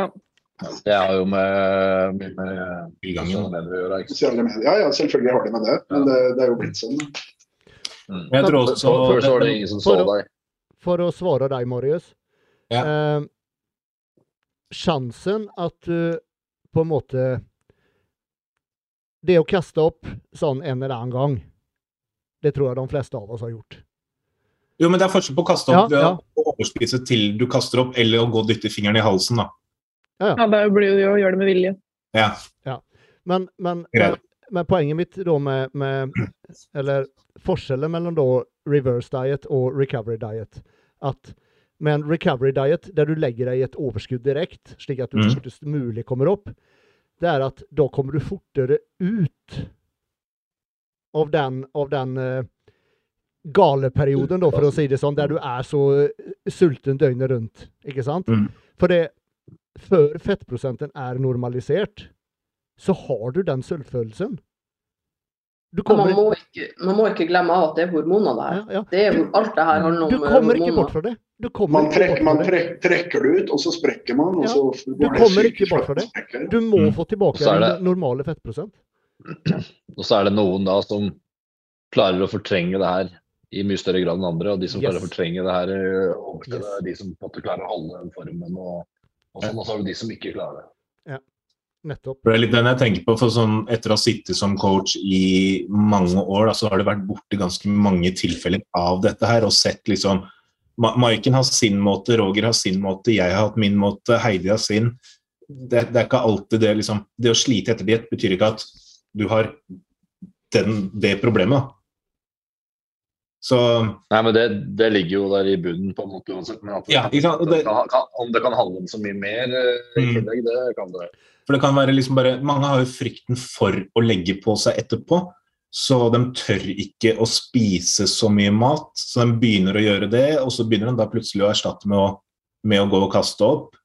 Eh, noen blir jo superdeprimert så fort de ser at vekta begynner å gå opp. Altså at, at det kommer andre problemer. Nå, nå føler jeg liksom at nå snakker jeg i, veldig imot nesten som at det er negativt det du sa, Andreas. For det, det er ikke det som er meninga i det hele tatt. Jeg støtter det, men bare sånn Men jeg vil også presisere at, at Og det tror jeg Maiken er enig med meg. Det, det finnes på en måte to måter å kaste opp på. Du kan dels kaste opp fordi at du skal klare å spise mer, for du har lyst til å, å, å bare spise. Og så kan du også kaste opp fordi at du føler deg helt jævlig. At du har dårlig samvittighet etc.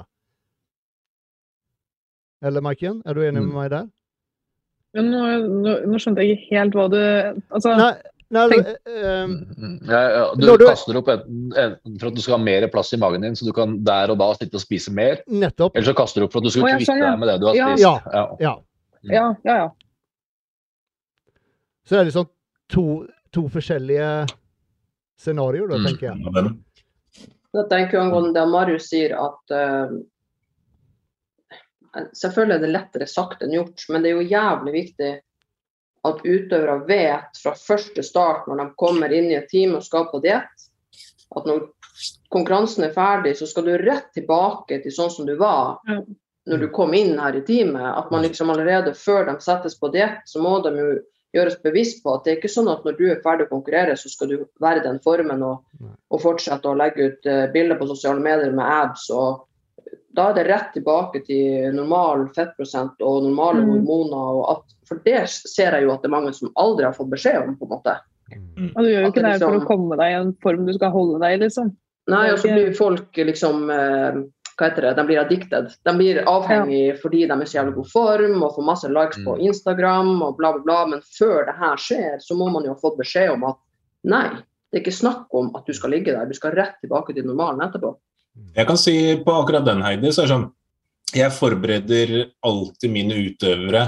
Det gjør både jeg, og det gjorde vi i toppform også, når jeg var der. De får veldig god beskjed om dette fra dag én, og det terpes på så mye nesten hver uke at du blir omtrent provosert da, fordi at det snakkes så mye om.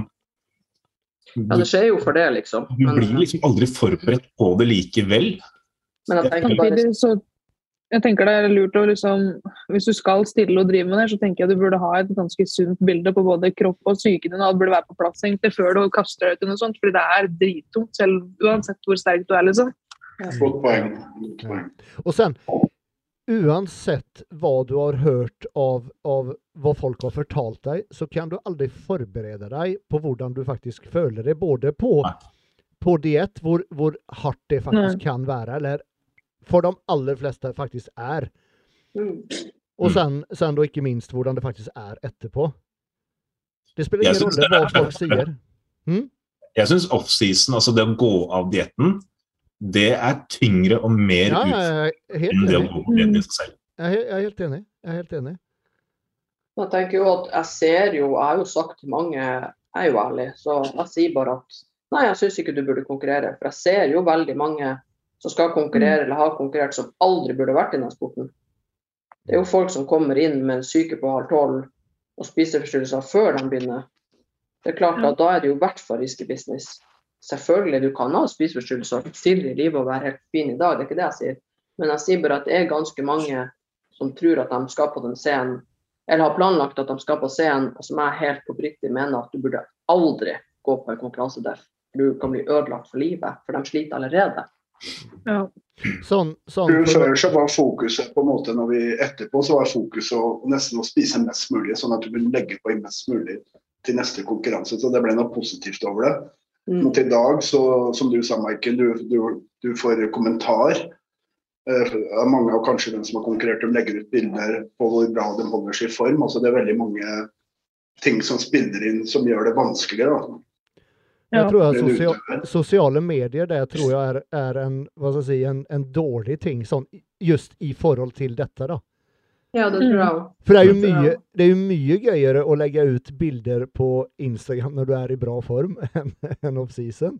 Uten tvil. Men samtidig så er det jo den formen du kommer i, den koster jo òg, da. Det er jo ikke så flott og glam som man skal ha det til. Sant? sant. Jeg så jo helt jævlig ut mesteparten av tida. Det var jo kun de gangene jeg faktisk gadd å sminke meg og sto på posering at det så greit ut, liksom. Så så jeg ut som eh, innskrumpa Nei, uff. Ja. Vi, nå, eh, Marius, når vi var i Finland, så snakka vi så vidt om det der. Vi var så vidt inn på temaet. Mm. Og det var liksom som det ikke var noe tema i det hele tatt. Nå vet jeg Ja. at du har fått prate nærmere med noen angående det. Er det fordi de ikke prater om det i det hele tatt, eller er det tenker de annerledes? Har du med noen kultur på Jeg, jeg, tror, jeg tror det er litt begge deler. Uh, jeg har ikke inntrykk av ut ifra Nå kjenner jeg flere coacher og utøvere som er der. Jeg har liksom ikke det inntrykket at det er et like stort problem der. Eh, men jeg tror også kanskje noe av det jeg skal være litt forsiktig med å si det, men jeg føler at noe av det kan skyldes litt det samme som det er med deg. da. På den tiden da du stilte, så var det de særinteresserte som drev med dette. Du, du hadde en ekstrem lidenskap for noe som på en måte var utenfor det normalen. Så de som valgte å drive med, med bygging på din tid, de var superdedikerte for å komme dit, og de hadde på en måte en helt annen mindset. Unormale, altså. Rett og slett. Jeg tror også det er litt av tilfellet i Finland. At det er veldig mye mer Det er en varig livsstil. Flere av disse tror jeg er vant til å leve på denne måten. At det jobbes over lang tid for å komme dit. Og de har en mer disiplinert livsstil generelt enn kanskje mange som har her. Uten at det automatisk betyr at fordi du har en disiplinert livsstil fra før, så kommer du ikke til å slite etterpå. For det er det jo mange her som også kan gjøre, og det er sikkert der òg. Men jeg, jeg tror definitivt det har, det har en påvirkning, da, sånn som mens fysikk og bikinifitness, som er skapt for at det skal være litt mer allment eh, for, for de fleste å kunne stille i de klassene. Mm. Så tror jeg også det blir litt sånn som Marken sier, du er, ikke, du er liksom ikke forberedt på det. Hodet ditt er kanskje ikke helt på plass. Så det har blitt litt lettere å kunne stille, som da gjør at folk går på denne dietten, og så kommer smellen etterpå, for de er ikke vant til den type livsstil og disiplin. da. Mm. Jeg har et inntrykk av at de har en litt mer disiplin rundt det i, i Finland, og at det kanskje er litt strengere krav rundt akkurat det. Jeg veit ikke helt. Ja, det, kan, det være at også de også med folk som sliter. Kan det være at det er veldig mange som stiller nå som på en måte de, de har lyst til å komme opp og scener og se flotte ut, slanke eh, sånn som, altså Jeg har aldri stilt på noe annet grunnlag enn konkurranseinstinkt, på en måte. Jeg har ikke tenkt på så mye om hvordan jeg ser ut. Selvfølgelig, det var kult å ha muskler og være i grei form, men det var konkurranser som var greia, liksom. Hvordan det så ut en måned to etterpå, det, det spilte egentlig ingen rolle. da, Det var konkurranse i, seg- selv. Det kunne vært hva- som helst. Langrenn, friidrett, som jeg også drevet med. men eh, om det er på en måte det med at man vil se flott ut, har en drøm om å stå på scenen, legge ut litt på, uh, på sosiale medier, at det er blitt kanskje litt mer av bildet.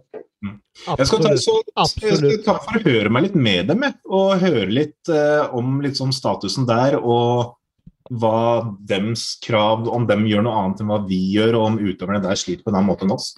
Kan prøve å finne ut av det til neste episode. Det har vært interessant å ha en, nesten en statistikk på her i Norge. altså Folk som har konkurrert, og så spør hvordan folk tenker etterpå. eh, Hvor mange som har slitt, hvorfor de føler selv at de har slitt. Ikke sikkert det gir noen løsning, men eh, det har vært det altså bare spennende å se sånn- tallene bak. Kan legge ut en sånn eh, spørreundersøkelse på Instagram.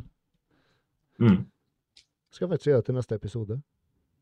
Men det, men det du sa i stad, Jostein, det tror jeg ligger mye i det at For man ser jo det veldig mange som stiller én gang, og så ser de dem egentlig aldri igjen. Mm. Så jeg tror det er veldig mange som stiller Eller ikke veldig mange, men, men mange i hvert fall. da. Eller noen. Mange flere enn før, i hvert fall. Ja, Som yes. stiller bare for å stille. Så stiller for å stille, for å få noen flotte bilder på Instagram. Kunne dele at OK, jeg har deltatt i bikini fitness, whatever. Mm. Det tror jeg absolutt. Eller det, det er det. Hva tenker du, Maiken, om det? Hva tenkte du på? Det, at du stiller en gang, og så Ja, at det er mange som, som nå på en måte har kanskje ikke så mye konkurranseinstinkt, men mer å liksom få kult å gå på scenen her og bli grei. altså, det, blir jo, det blir jo på veldig feil grunnlag, da. Altså, jeg har jo hatt jenter helt ned i 16-årsalderen liksom, som har sendt meg melding på Instagram og bare 'Å, shit, du ser bra ut', altså, sånn vil jeg òg bli. Og, og så skjønner de kanskje ikke helt hva som krever for å komme dit, da, og jobben etterpå, alt du må gjøre for å liksom Det er jo ikke bare å stå på en scene og se bra ut.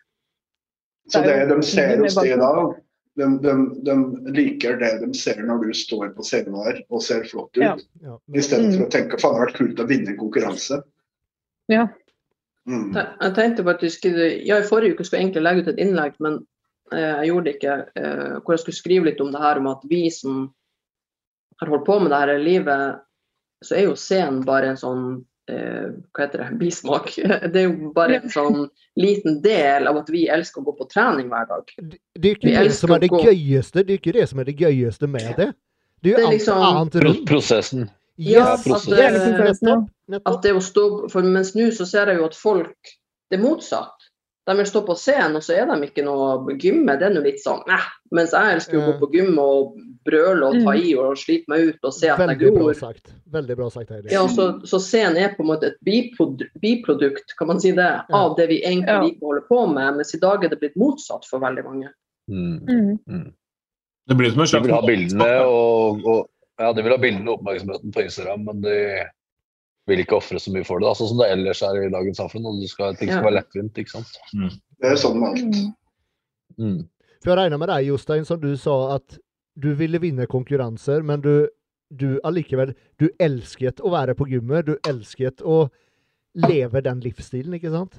Ja, jeg setter meg jo alltid mål, og, og, og det var liksom det som var hverdagen min.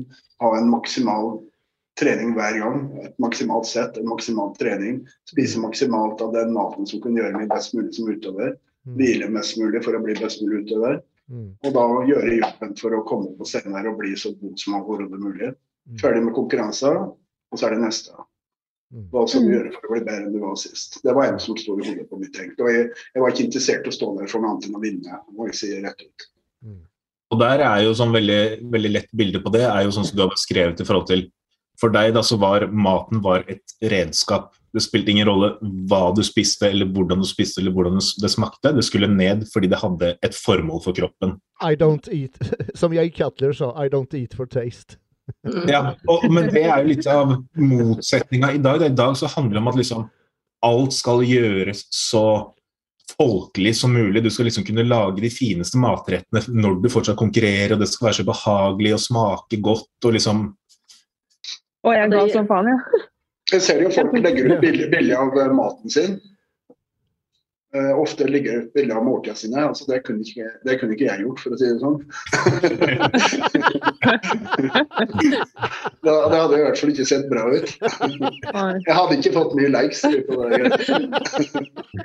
Kan jeg påpeke at det jeg sa der sånn at det er absolutt ikke noe galt i det. Det er ikke noe galt i at det smaker bra at man tar seg tid til å lage god mat. Jeg tror folk forsto hva du, føler at eh, de som folk forsto hva du mente. Mm. Ja. Ja, du veit aldri. Det, Det bare at vi gjør ikke det. Vi gjør ikke det. nei. Bare...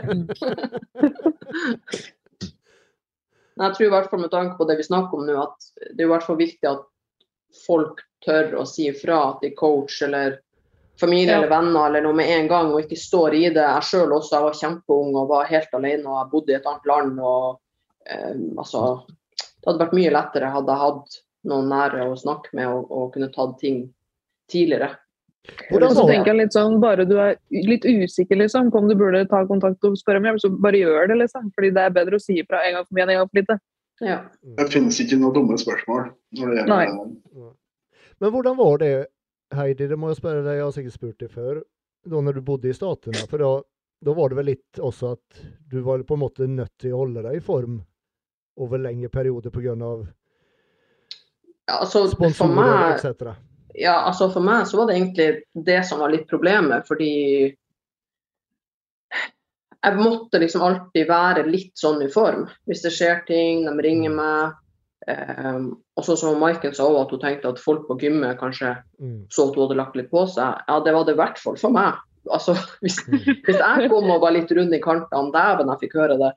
Så det er sånn når jeg er blitt voksen, så har jeg liksom skjønt at det var mye av det som var veldig vanskelig for meg. da, At det var så jævlig press hele tida Mm. om Mm. at jeg måtte være litt i form, og at jeg ikke Selvfølgelig hadde vært voksen, så hadde jeg jo bare sagt liksom at nei, men nå er meg off-season-tid å bygge og alt det der, men Kroppen blir din egen reklame og din presentasjon. Ja, nettopp. Jeg var der, og jeg, jeg var veldig Hva man skal si, jeg hadde veldig mye muligheter. Og det er klart at da har du ikke veldig lyst til å miste de mulighetene ved å være super off-season. Så for min del så vet jeg at det var en stor del til at jeg sleit. Det var fordi jeg hadde konstant et sånt press. Og bare jeg kom hjem til Norge en tur, så som jeg sier, bare jeg lagt på meg litt, så var liksom folk sånn Å ja, det er sånn du ser ut. Liksom.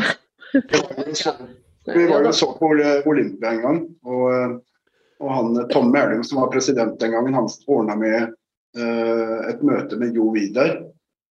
Eh, der jeg fikk posere for ham. da. Og da var jeg, jeg var i rimelig god form, mye bedre form enn mange som står på en scene i dag, for å si det sånn. Det første han sa var 'hvorfor er du ikke i ordentlig form'? sa han. Altså, han forlangte at jeg skulle være i konkurranseform, og det var liksom midt i offseason. For at han ville se hvordan jeg så ut i konkurranseform. Mm. Så det var bare å gå igjen med halen mellom beina og ut igjen. Altså. Ja. Men ja, sånn, det er noe, ja. et godt poeng sånn, sånn til utøvere generelt, og kanskje nybegynnere, det er jo Kom deg fortest tilbake til hva skal jeg si, normalen, da, der du faktisk klarer å bygge og forbedre deg til neste sesong. Ja. For ligger du i et underskudd, eller om du skal holde formen etc. Du klarer jo ikke å forbedre deg når du er der. Nei. Du blir ikke når du legger, bedre og så når du legger Helt enig. Og så når du legger ut bilder, så tar du jo frem gamle bilder og sier at de er nye. og Legger ut på, på medier. Ja, ikke faen, så bra form det er. Ja, Ja, men det er noe med det også, altså Jeg sier det mange ganger, men det er fordi når jeg ble mer moden og voksen og skjønte ting, så hjalp det, det hjalp meg veldig å forstå også at det er ikke sånn at jeg plutselig er blitt helt fucka, men hormonene mine gjør sånn at jeg oppfører meg sånn her. Yes. Nettopp. Sånn at det var veldig sånn avgjørende for meg at jeg skjønte at det ikke er jeg som er blitt helt gæren, og nå må jeg leve livet mitt som en sånn her gærning. Det var bare å få alle hormonene i vater igjen, så var jeg normal. Men da må du spise og komme i normal og overskudd og få fett på kroppen. Mm. Nettopp. Sen en annen ting som, er, eh, som kan være verdt å bare nevne, som jeg nå har Som sagt, jeg har liksom fordypet meg litt i, i, eh, i det her. Eh, Det som noen kan oppleve når de begynner å gå opp igjen, det er at fettet på en måte legger seg litt annerledes enn hva det var tidligere, da. Og det er just på grunn av hormonforstyrrelsen som er, da. Mm. så, så kan man f.eks. legge kanskje litt mer fett på rumpa enn hva man hadde tidligere, eller litt mer fett på magen, eller litt mer fett på ryggen, whatever. Um, det er noen som opplever det, men det, sånn, i siste enden så jevner det uansett ut seg. da. Det er bare at det Mm. kommer tilbake litt sånn i Eller kan komme tilbake litt sånn i puljer, da. Og så at det er lurt også å faktisk ta blodprøver og sånn. Jeg ser jo mange som de tar verken blodprøver før de begynner på diett, ikke etter, ikke under, ingenting. liksom at Sånn som nå når jeg sist var hos min lege, og jeg spiser jo bra, og det var jo før jeg begynte på diett, så hadde jeg jo allerede mangla da av noen veldig essensielle ting. Så jeg tenker Det er jo òg noe at man kanskje drar til legen og tar noen blodprøver og blir liksom fulgt opp på den måten òg, ikke bare av, av coachen sin. Du kan få noen svar som du ikke vet om. da. Jeg har nesten alltid Mm. mangla jern for eksempel, i kroppen. Ja, jeg Det har alltid vært ingen- glad det er på D-vitamin. Ja, det er jo ingen tvil om at siste innspill på diett, det er ikke det er ikke sånn vi burde leve livet vårt. Så mest sannsynlig så har vi noen mangler, og kanskje det er noen tilskudd du trenger, så føler du deg bedre. Nettopp. Mm. Jeg tror en del av det når vi spiser jo selvfølgelig veldig mye sukker etterpå også, og det vil også fucke opp kroppen veldig mye. altså. For vi får veldig mye syre i kroppen som ødelegger en del av immunforsvaret. og uh, Humøret blir opp og ned. og Det er ganske mye som blir forstyrra når man spiser såpass mye. For å si det sånn, sukker, sukker etter en konkurranse, det er som heroin, altså. Du har prøvd, du har prøvd heroin, altså? Nei, nei, nei, men eh, jeg tror, eller jeg tror i hvert fall det er en veldig god sammenligning, da. Det er likerus. Ja, det er Ja, det, er liksom jo, det er jo det du merker. altså hvis eh, som ofte ser før, så liksom, jeg, jeg drakk jo aldri brus og sånn, men hvis du drikker brus i tre uker, drikker cola f.eks. Altså når du blir tørst, så vil du ikke ha vann, du vil, ha, du vil jo ha cola. Ja, ja. Så man blir på en måte litt sånn avhengig av det. Absolutt. Jeg bare husker første gang jeg var på diett. Så eh, Det var noen uker før konkurranse, så var jeg i hvert fall eh, da på den, den berømte spisedagen min. Så var jeg ute med, med min eh, eks, da, som jeg var sammen med da. eh, var vi på Fridays og spiste. Og da husker jeg Eller jeg husker ikke hva jeg spiste til varmrett, men i hvert fall til dessert så spiste jeg noen sånn her brownie-sak. Og jeg kødder ikke. Det er absolutt det beste jeg har spist i hele mitt liv der og da. Jeg kunne seriøst bare gitt opp alt annet og, og bare spist det resten av livet mitt der og da. For det var, det var så jævla godt. Det var så godt. Det var så godt. det er en sjuk følelse. Ja, det er helt, helt Ja, sinnssykt. det går ikke an å beskrive engang. Nei, nei, nettopp! Nettopp. Og liksom Så får du, du får jo en sånn lykkefølelse på det. Ja, ja, ja. Du får Men ikke, ikke etterpå, men Du blir helt euforisk, ikke sant? Og, men, Ja. men det sier litt om den, den, eh, det matfokuset du har. For om jeg hadde gått ut og spist den desserten i dag, så ja, den var kjempegod, men liksom OK. Mm. Ferdig med det. stort. Men det er Ja. liksom jeg, Herregud, jeg levde på dette i flere dager. Det var Å, herregud, det var godt. Så, men det, det er liksom helt normalt. Og, og eh, er, du i, er du i god form, så opplever du den sulten. Du Jeg husker ikke- faktisk det var ei som sa For hun trengte ikke å gå noe lavt på mat. Jeg tror bare det var på altså, 1700 kalorier var det laveste hun gikk. Og så kom jeg som gikk mye lavere, og hun bare Nei, jeg syns nå ikke det er så veldig vanskelig etter diett. Jeg bare Ja, det er jo faen ikke rart. Du spiser jo ekstremt mye mer enn meg. Så, så det er jo klart at det er mye jævligere for meg etterpå, fordi du har ligget mye lavere. Så det er jo òg en stor Altså det påvirker jo masse om du er en person som må gå jævlig hardt, eller om du har en litt mildere vei. Mm. Ja, ja, selvfølgelig. Det er, det er uh, genetiske forskjeller Mm. fra oss alle. Det samme du ser Noen kan jo gå på en måte off-season og, og faktisk være skikkelig off-season. Spise McDonald's omtrent hver dag. Randy, for eksempel. Som er et genetisk freak. Ja, så er de fortsatt liksom god form. Det er Ja, ikke noe. ja, ja, så kommer det noen sant? andre, de, de veier til og med grønnsakene sine. Ja, ja, ikke sant? Så det, så det er forskjeller. Ja. Sånn er det bare. Mm. Og det er forskjeller etterpå. Noen kommer til noen det er to uker og det er good. Noen det er to måneder, noen det er et halvt år, noen det er et år. Det er, det er også det er ikke en fasit der heller. Men Men så tror jeg heller ingen offseason eller prep er lik. Alle er forskjellige, liksom. Yes, Mm. Mm, mm. Du aner jo ikke hvordan du reagerer på verken offseason eller onseason. veldig godt poeng. Men det er i hvert fall en, en konklusjon, da. Det er å komme tilbake til normalen fortest mulig. Du Ja. kan ikke holde formen.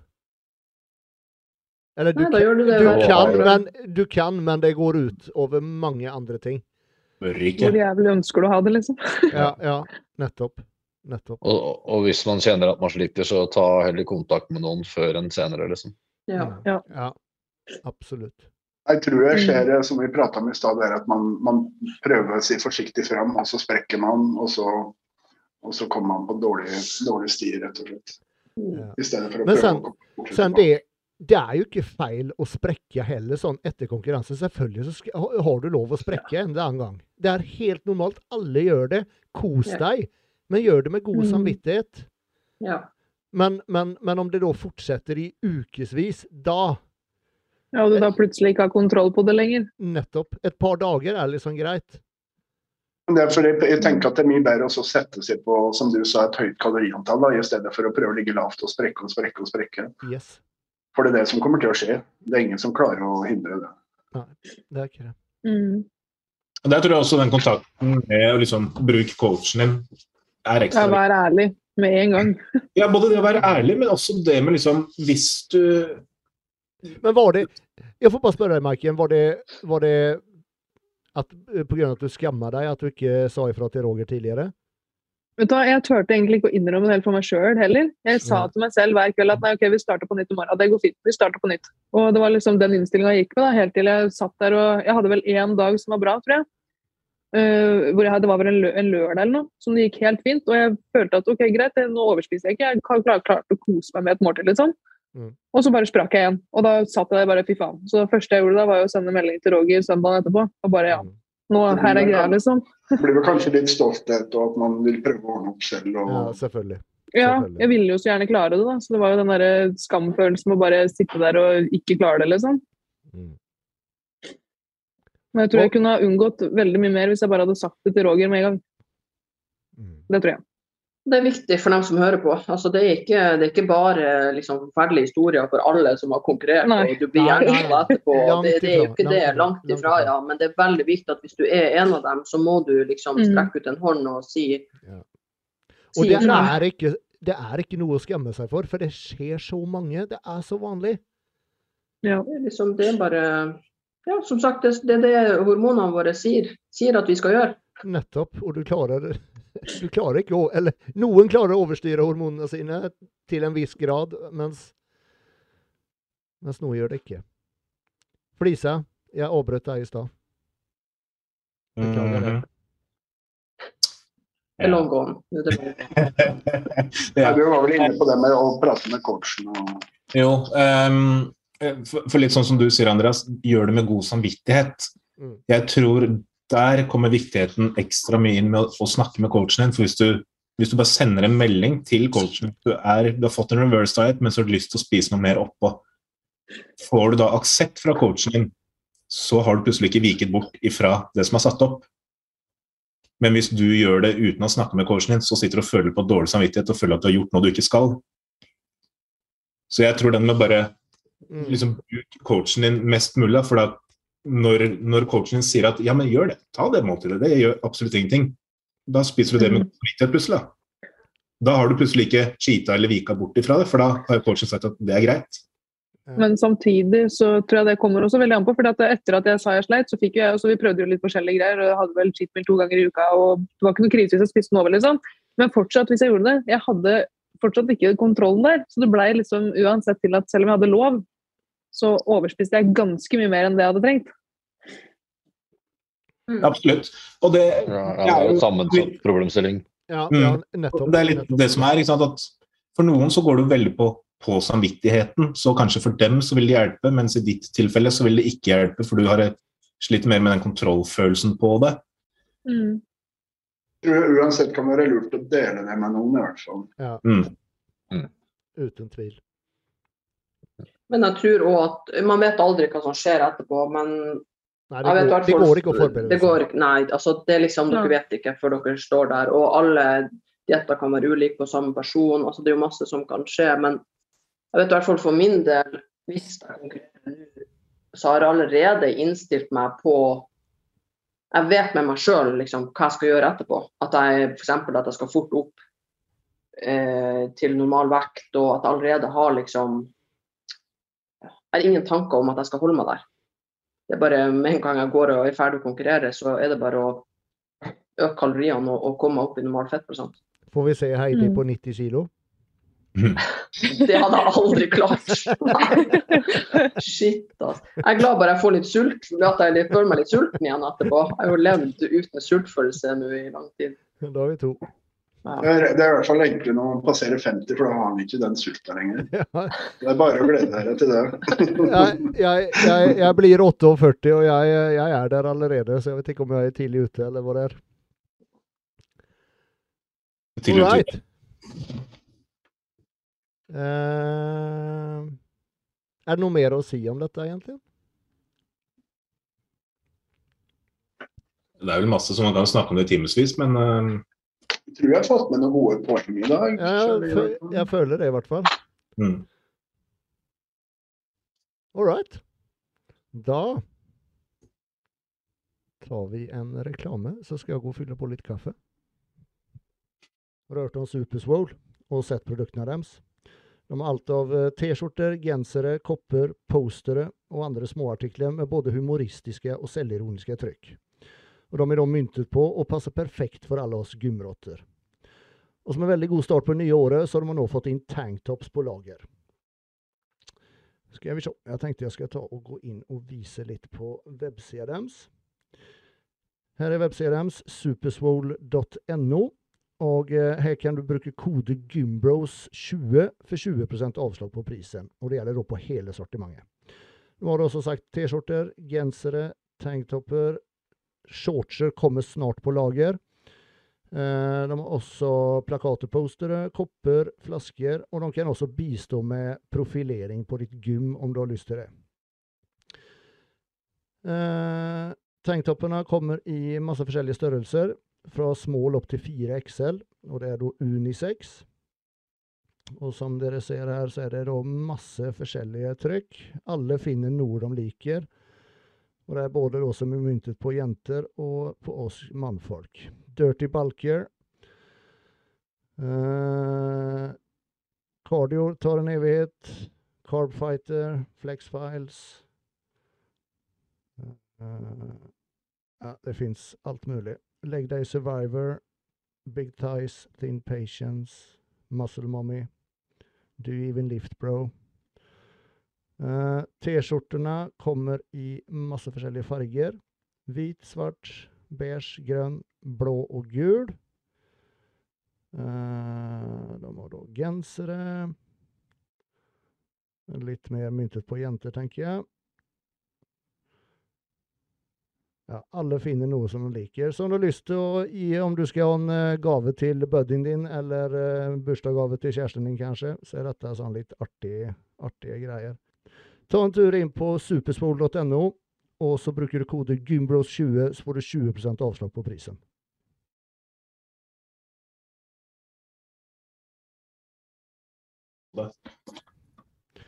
Da. Skal vi se.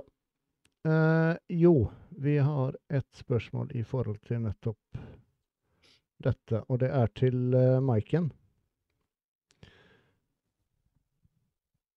Eh, og ja, vi kjører litt spørsmål nå. Eh, hvorfor tror du, Maiken, at det gikk så mye dårligere etter Konk denne gangen enn forrige gang? Du har vel for så vidt allerede svart på det, men eh, ta det igjen. Ja. Uh, ja, nå har jeg en katt siden her. uh, altså, for det første så tror jeg det at eh, jeg hadde en mye hva skal si noe, tyngre oppkjøring den gangen her, og så kom jeg meg jo i mye bedre form enn jeg var sist. Mm. Fordi første gang jeg stilte, så burde jeg jo egentlig ikke ha stilt, føler jeg sjøl i hvert fall. Uh, men også fordi at eh, fokuset mitt etterpå var så Altså, det var jo der at jeg drev og hamstra inn så mye greier, da, og det var jo, jeg satt jo så på sånn 10,000 calorie challenge, og det var liksom så mye fokus på mat og ting jeg, altså, Når jeg ikke kunne spise ting selv, da, så kompenserte jeg med de andre tinga der, liksom.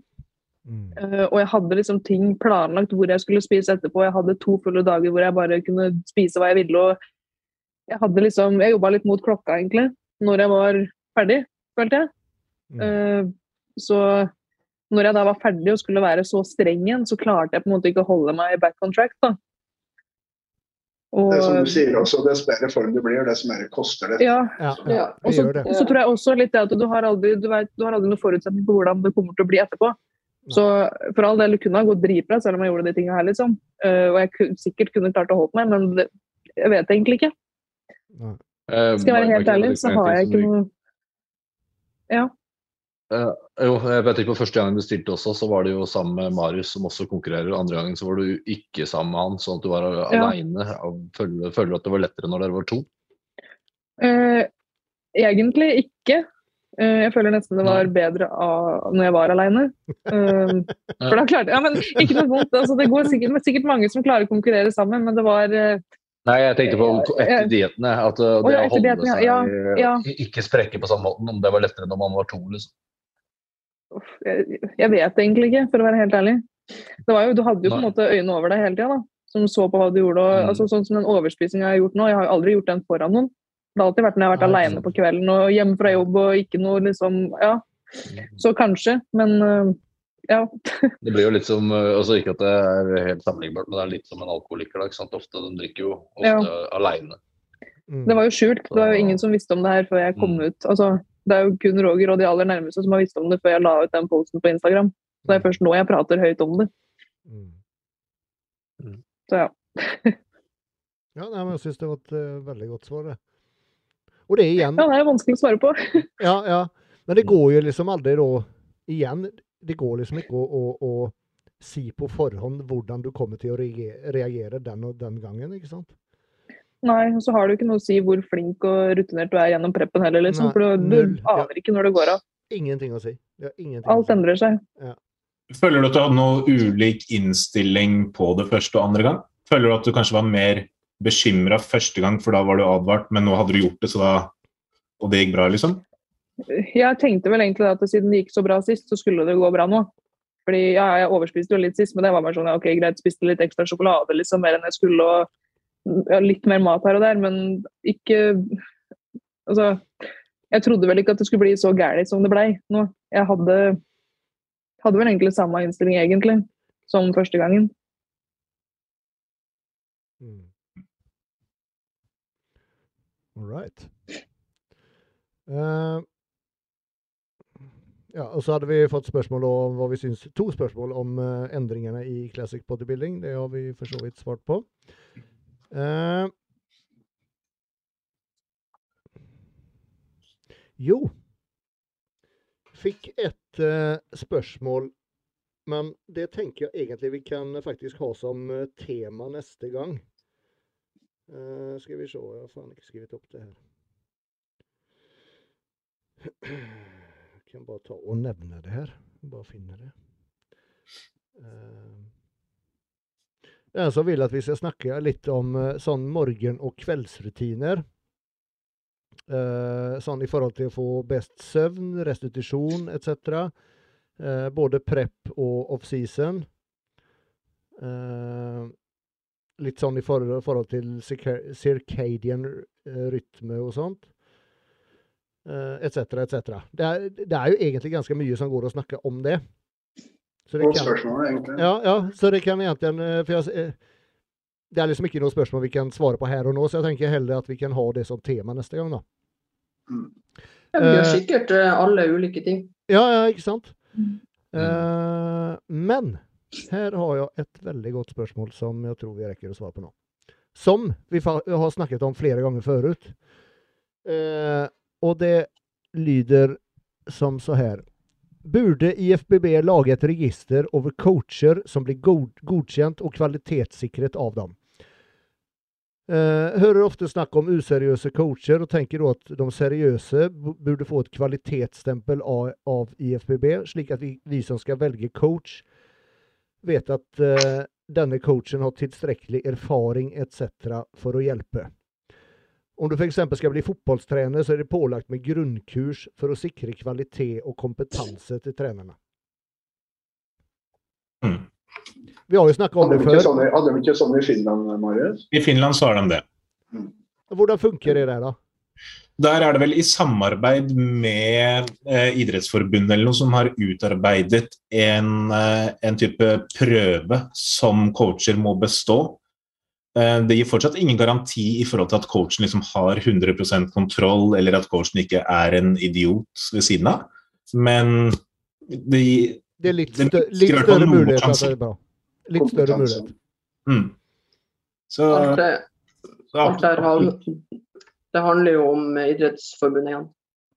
Det hadde jo vært en drøm hvis vi klarte det, men hvordan skal vi gjøre det når vi ikke Ja, men hvorfor kan ikke du IFBB kan lage internt. Ja. Hvorfor skulle ikke det Eh, gå? Ja, hvem, noen må jo lage kurset, noen må lage registeret. Det er, jo, det er jo ikke bare sånn Man må betale for det, da, så noen får inntekt på det, rett og slett. møte opp her og Kunne vært en god idé. Ideen er absolutt veldig god. Um, Hva skal kurset bestå av? Hva er det det kommer jo opp 10 000 spørsmål til rundt, som du er inne på nå, Heidi, med at hva og hvordan og hvem skal og alt mulig sånt. Men forslaget i seg selv, absolutt. Det hadde vært en stor fordel, det tror jeg. Ja, det syns vi òg, men det er bare som jeg sier, Ting er veldig annerledes hvis du er i Idrettsforbundet. Som jeg glemte å si sist, by the way, for i det hele tatt komme med i Idrettsforbundet, så må du ha 1500 medlemmer. Ja. Så Og vi har nå er vi på 120 som har betalt. Hæ? Ja, for i år, ja. Nytt år, nytt år. Så vi vet jo aldri før året er omme. Så det er jo at altså, Folk vil veldig mye, og jeg skjønner det, men når folk ikke engang vil betale medlemskontingent, så går det ikke an å forlange så veldig mye. Fordi, ja, som jeg sier, i annen idrett, altså, så for å komme inn i Idrettsforbundet, så har du jo ekstremt mange flere medlemmer. Altså, vi trenger altså 12-13 ganger flere medlemmer enn vi har i dag. Mm. Det liksom, og vi er på det meste, jeg vet ikke hva. I fjor hadde vi 450, hadde vi. Ja, cirka. Litt fort- under, kanskje. Det er fortsatt litt under en tredjedel. Ja, så det er liksom Men ja, selvfølgelig en god idé, men kurset må lages av noen. Spørsmålene må hva som skal til for at de skal godkjennes. Hvordan, altså Ofte for å i det hele tatt lage en sånn her prøve, eller et sånt, så må man jo ansette noen til å faktisk gjøre det til en godkjent test. Mm. Kunne jo prøvd å organisere det gjennom ASPT eller et eller annet sånt. Ja, ja, ja. Og betalt Ja, avgift og Skal jo fortsatt betales for, og de gjør det sikkert ikke. Nei, nei, man må betale for å ta testen. Det Mm. Ja, og AFP, AFPT må jo betales for å lage det også. Ja, ja. Men de tjener jo penger etter hvert for å godkjenne coacher. Da. Man må jo begynne et sted. Kan jeg spørre deg, Maiken, for du, du bytta coach etter sist eh, du konkurrerte, kjente jeg det som? Til Ja. Roger. Mm. Var det vanskelig for deg å bytte coach? Nei. Det var det ikke. Nei.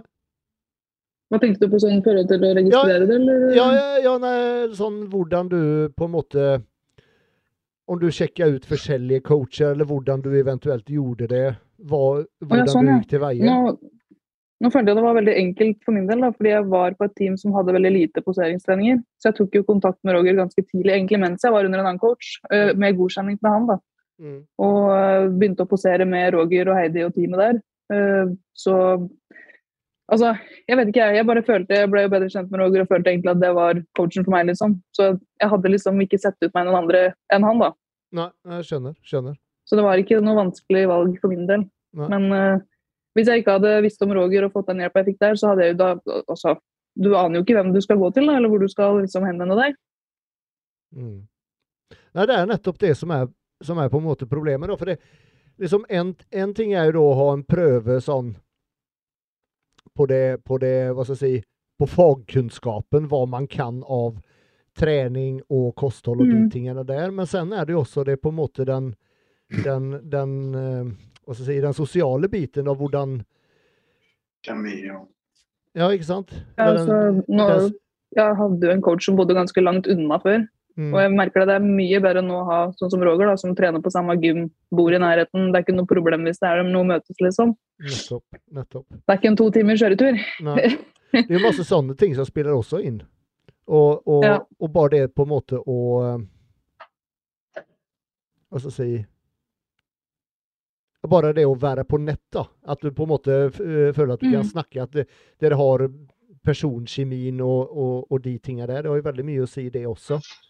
Så det er jo på en måte mange ting som spiller inn om det er en bra coach for deg eller ikke. Mm. Så, så liksom enkelte ting er jo greit nok at man kan ha en prøve på, mens andre ting er jævla vanskelig å ha en prøve på. Liksom, er du en, er du en eh, sosialt fungerende person? Den, den vil jo være vanskelig å kontrollere, men kanskje Ja, du kan spille skrive ut de som, som legger deg på 700 kalorier fra starten, og som egentlig ikke veit hva de driver med. Noen av de som kanskje eh, har konkurrert én gang, og de fikk en diett, og så gir de ut den videre. Og du får kanskje isolert vekk noen av disse faremomentene. Mm. Så det er absolutt Ja, det er- vært, vært det er-. Det er Det vil alltid være et issue, da, for at du ser på folk som er utdanna personlig trener også. Ja, Jeg har ikke sett mange gode, i hvert fall. Jeg kan telle på én hånd folk som i hele tatt har syntes det har hatt peiling i det hele tatt. Det er jo to faktorer her. for En ting er jo selvfølgelig hva man har av formal utdanning. eh, eller formel, Men det, det, formel utdanning betyr ikke at du trenger å være god til noen ting. eh, Og det gjelder all utdanning. Du Mm. kan være lege og du kan suge i faget ditt. Så, så det er eh, en da, av eh, lidenskapen man har for ting og formell kunnskap tenker jeg er veldig viktig. Da, og erfaring også, ikke minst. Så tenker jeg at det, det er absolutt en fordel når du driver som fitnesscoach at du har first hand experience. Da. Det, Du kan si hva du vil, men det, se på gode fotballtrenere. Det ikke, finnes ikke mange gode fotballtrenere som ikke har vært en god fotballspiller sjøl. Uten at det kan være en direkte sammenheng her, da, det er ikke det. Men det er liksom Alex Berger kanskje er bare. Så Du kjente på kroppen, ja.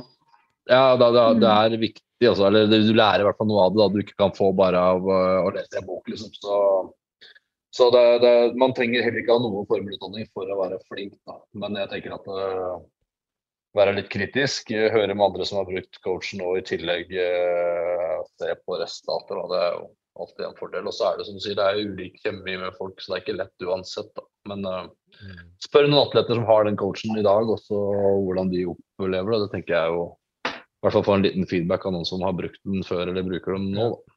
Veldig bra. Mm. Veldig bra. Og så bare en ting, Andres. Før, før vi kutter av i dag, så har jeg bare Jeg vil bare reklamere for et forskningsprosjekt som ser etter uh, utøvere i vår bransje.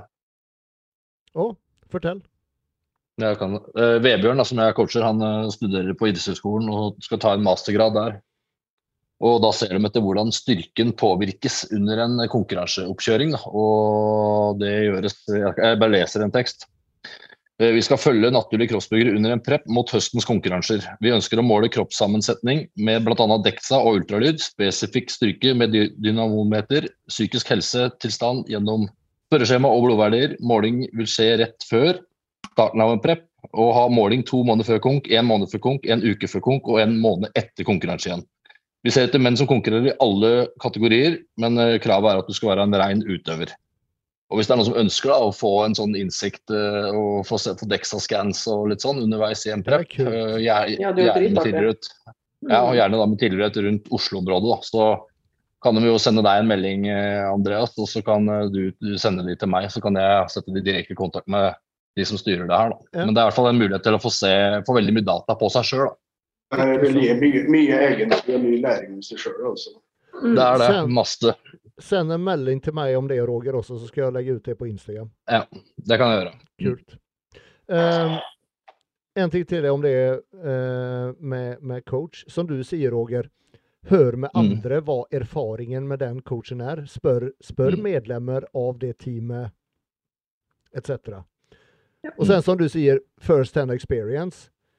Selvfølgelig, det har utrolig mye å si, men for eh, Eller hva skal man si?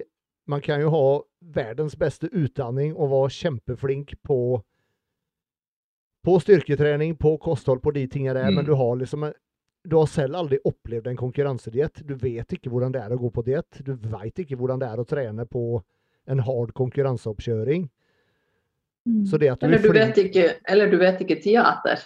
Nei, nei! Mm, mm, Nettopp. mm. Det er så jævla mange ting som spiller inn, så ja, Du har jo en ting til. Altså, du, må, du bør ha en, altså, kunnskaper i både skader, anatomi, Mm. deling og sånne Ja, ting. ja, Så du bør ha en formell utdannelse, tenker jeg.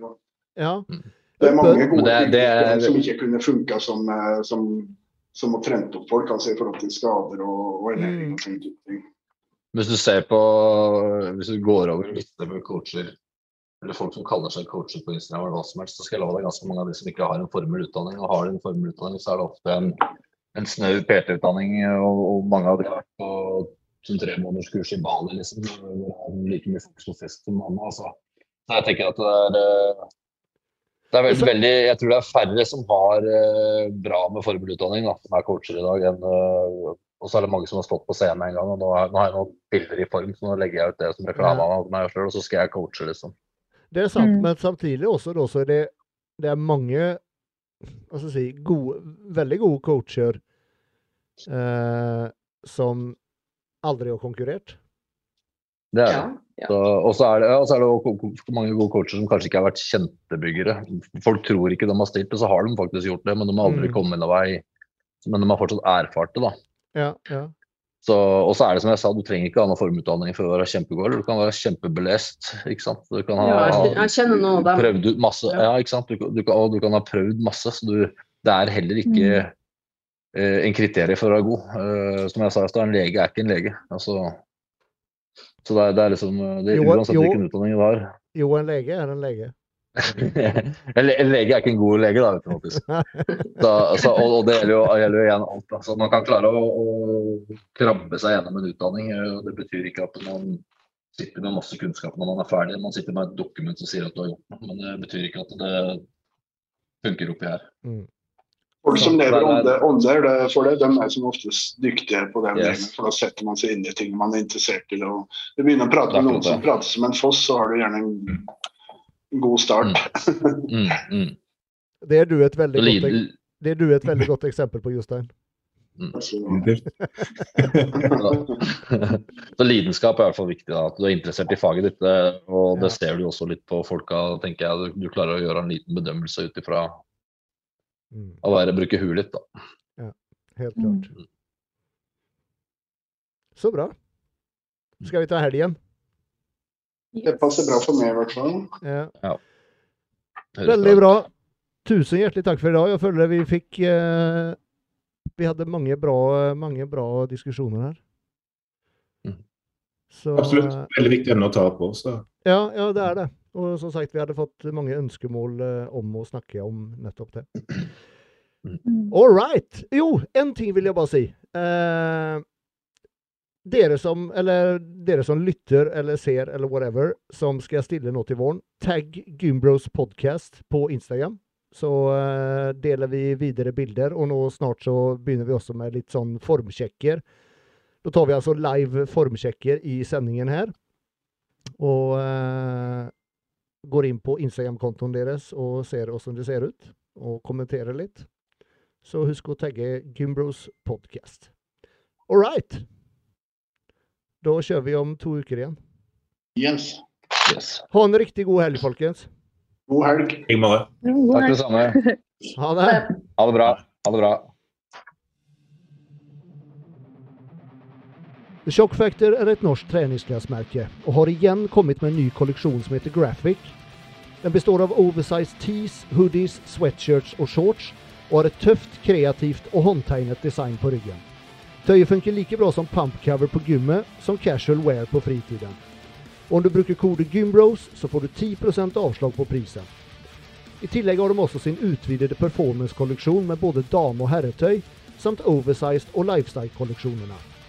Så om du er ute etter treningstøy med høy kvalitet og tøff design, som er deilig å ha på seg og som sitter som det skal, så bør du ta en tur innom theshockfactor.com, der du kan bruke kode GYMBROS for 10% avslag på prisen.